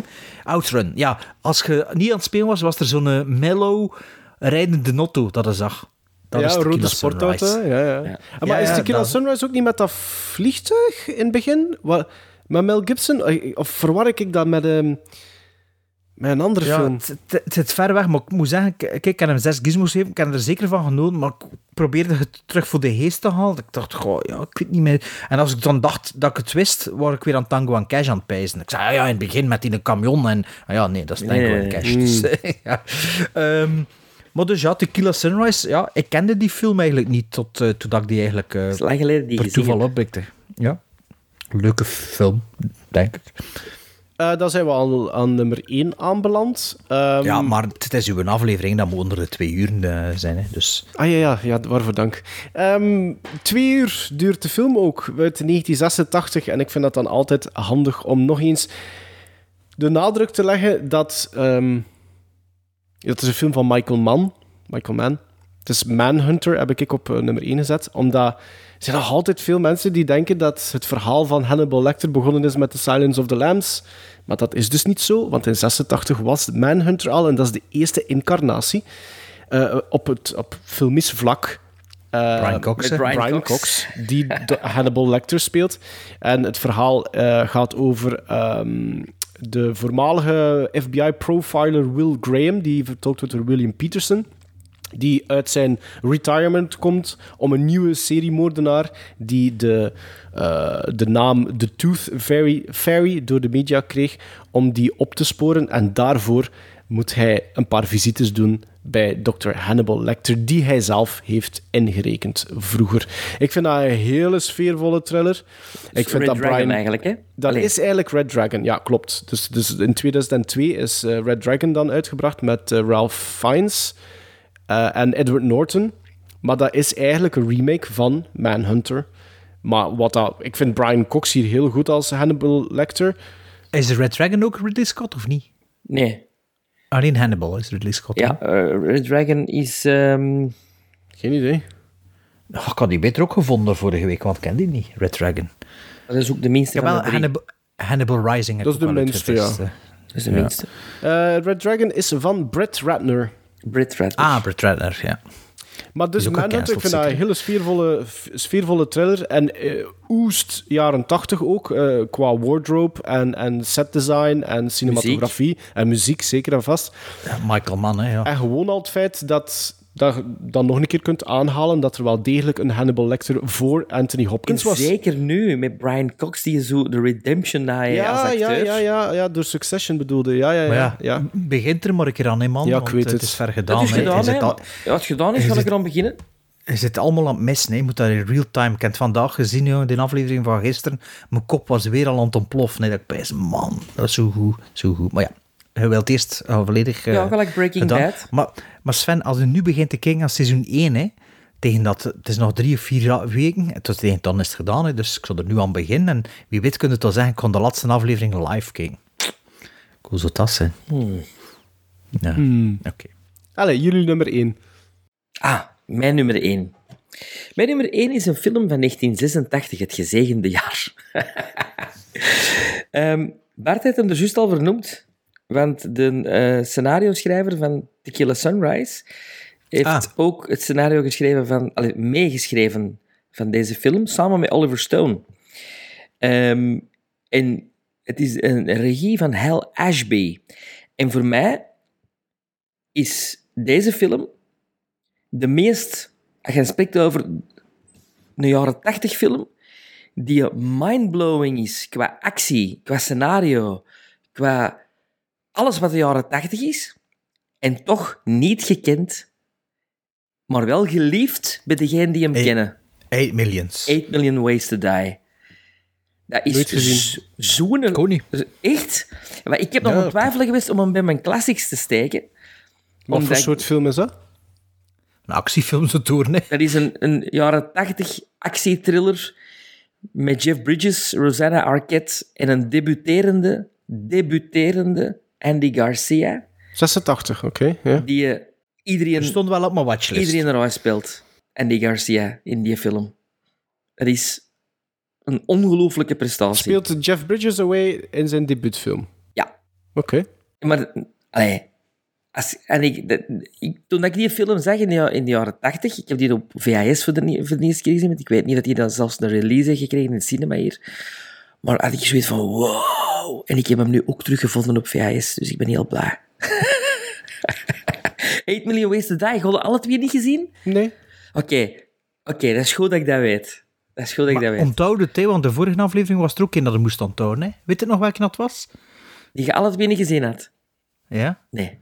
Maar net gezegd, Sven, dat is nu zo'n film dat je moet onthouden voor ons te geven. En ik ben hem ondertussen al vergeten, maar ik moest het Ja, niet ik noteren. ook niet meer, ze. Ja, ik moest het ook niet noteren, dus ja. Hebben jullie al gehoord van 8 Million Ways to Die? Nee. Wel, ik denk dat hij dat al ooit vermeld had, want toen ik mijn lijstje aan het maken was daar straks, zag ik die titel en dacht ik, ja, die titel herken ik en volgens mij heeft Sven dat wel ooit een keer aangehaald. Nee, we hebben hem nog niet in, de, in Gremlins. Wa- wa- Niet op in- Letterboxd. Niet op Letterboxd. Nee, nee, maar ja, in ja. een groep dan of zo. Ja. Ja, Eh, mijn nummer 1 hadden we blijkbaar wel al besproken, dus ik heb erop nog een alternatief gezocht, hier à la minuut. Eh, mijn, oorspronkelijke nummer 1 was eh, The Color of Money van Martin Scorsese, maar die hebben we dus in, in aflevering 159 vergeten, ondergewaardeerde Tom Cruise films. Ehm, dus die wilde ik niet aanhalen. En toen ben ik dan toch naar mijn originele idee gegaan dat ik van afgeweken was voor The Color of Money. En dat eh, valt niet onder de vergeten films, maar de opdracht was, kan ik er dan terugscrollen hier, de opdracht was vermaarde of onderschatte 80s films. Wat is vermaard? Mijn eh, ja, hetzelfde. Of, ehm allee, Howard the Duck is vermaard. Voilà, ja, verguisde films. Dus ik ben dan toch maar om de originele nummer 1 gegaan, dat ik het er toch nog een keer over wil hebben. Die is ook al een keer gepasseerd. Eh, het is een film van 1982 die met mijn rewatch een volledige gizmo naar boven gegaan is. En op 9 gizmos gestrand is, of 8,5, dat weet ik niet meer. Ehm, ja, het is een film die eigenlijk start to finish mega goed is. Ik heb het er onlangs nog over gehad. ze. Het is een film van dezelfde regisseur van The Color of Money. Eh Martin Scorsese. Ah. Het is een film van 1982 van een uur, een uur en 50 minuten met Robert De Niro en Jerry Lewis. En dat is de king of comedy. Ah ja, ja, Ja, ja. ik zie zeker aan de heel veel mensen die film niet gezien hebben. En dat is echt super. He, he heeft dat niet gezien, Sven? Jawel, jawel, jawel, jawel. Maar ik ben, Ah, ja, ik ben oké. ook zeker van dat... Iedereen zegt Ja, ja, Joker, Joker. Maar ja, dat is ja, eigenlijk... Joker, dit, dit, dit, dit- dat is dat, maar dit is zo goed gespeeld door, door De Niro en ja, Jerry, Jerry Lewis, Lewis ook. ook, hè. maar, maar vooral door De Niro. Eh, heb jij dat gezien, man, King of Comedy? Eh, ja, ja, maar Ja. dat zit ver weg. Maar ja. Ah, maar ik, ik, ik, ik had al letterbox. Het was de tweede keer dat ik hem gezien heb. En je zegt. Nee, allee. Eh, als je dat nog niet gezien hebt, King of Comedy, dat gewoon misschien nu een beetje met de ding worden voor de luisteraars aan te sporen. Voor toch wel een keer King of Comedy eh, te zoeken en te bekijken. Ehm, ik heb hem, de eerste keer dat ik hem gezien heb, kwam hij uit de bibliotheek. Dus daar had hij hem wel Ik heb waarschijnlijk on- kunnen onlangs vinden. de affiche gekocht. eh, Ah, de originele... alle-. En waar gaat hem ophangen? Ooit in mijn bureau. Ooit, ooit, Ja. ooit. Ja, ik, ik heb onlangs ook een paar posters op toe, maar ik dacht, ik heb geen muren meer. Ja, dus maar ik, de, de fokken zijn dan zo van die grote mappen. Zo voor daarin te Ja. steken, dat je dat kunt bekijken af en toe. En die heeft wel... Ja, die, lekker in, die in de wel- winkel.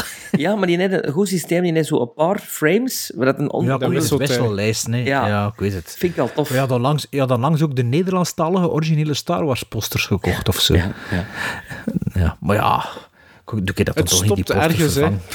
Ja. Hè? En weet je wat het is? Wat dat Fokke niet heeft? Kinderen en een vrouw. Dus ja. Dus dat scheelt ook al veel natuurlijk. dat hè, scheelt wat veel. allemaal koopt en in huis trekt. Dus Ja. ja. dus ja. Maar eh, ja. Ehm, ja, dus King of Comedy, ja, seek it out, die luisteraars. Het is echt, echt dat je dat niet gezien hebt. Het is een, eh, een pareltje van de jaren tachtig.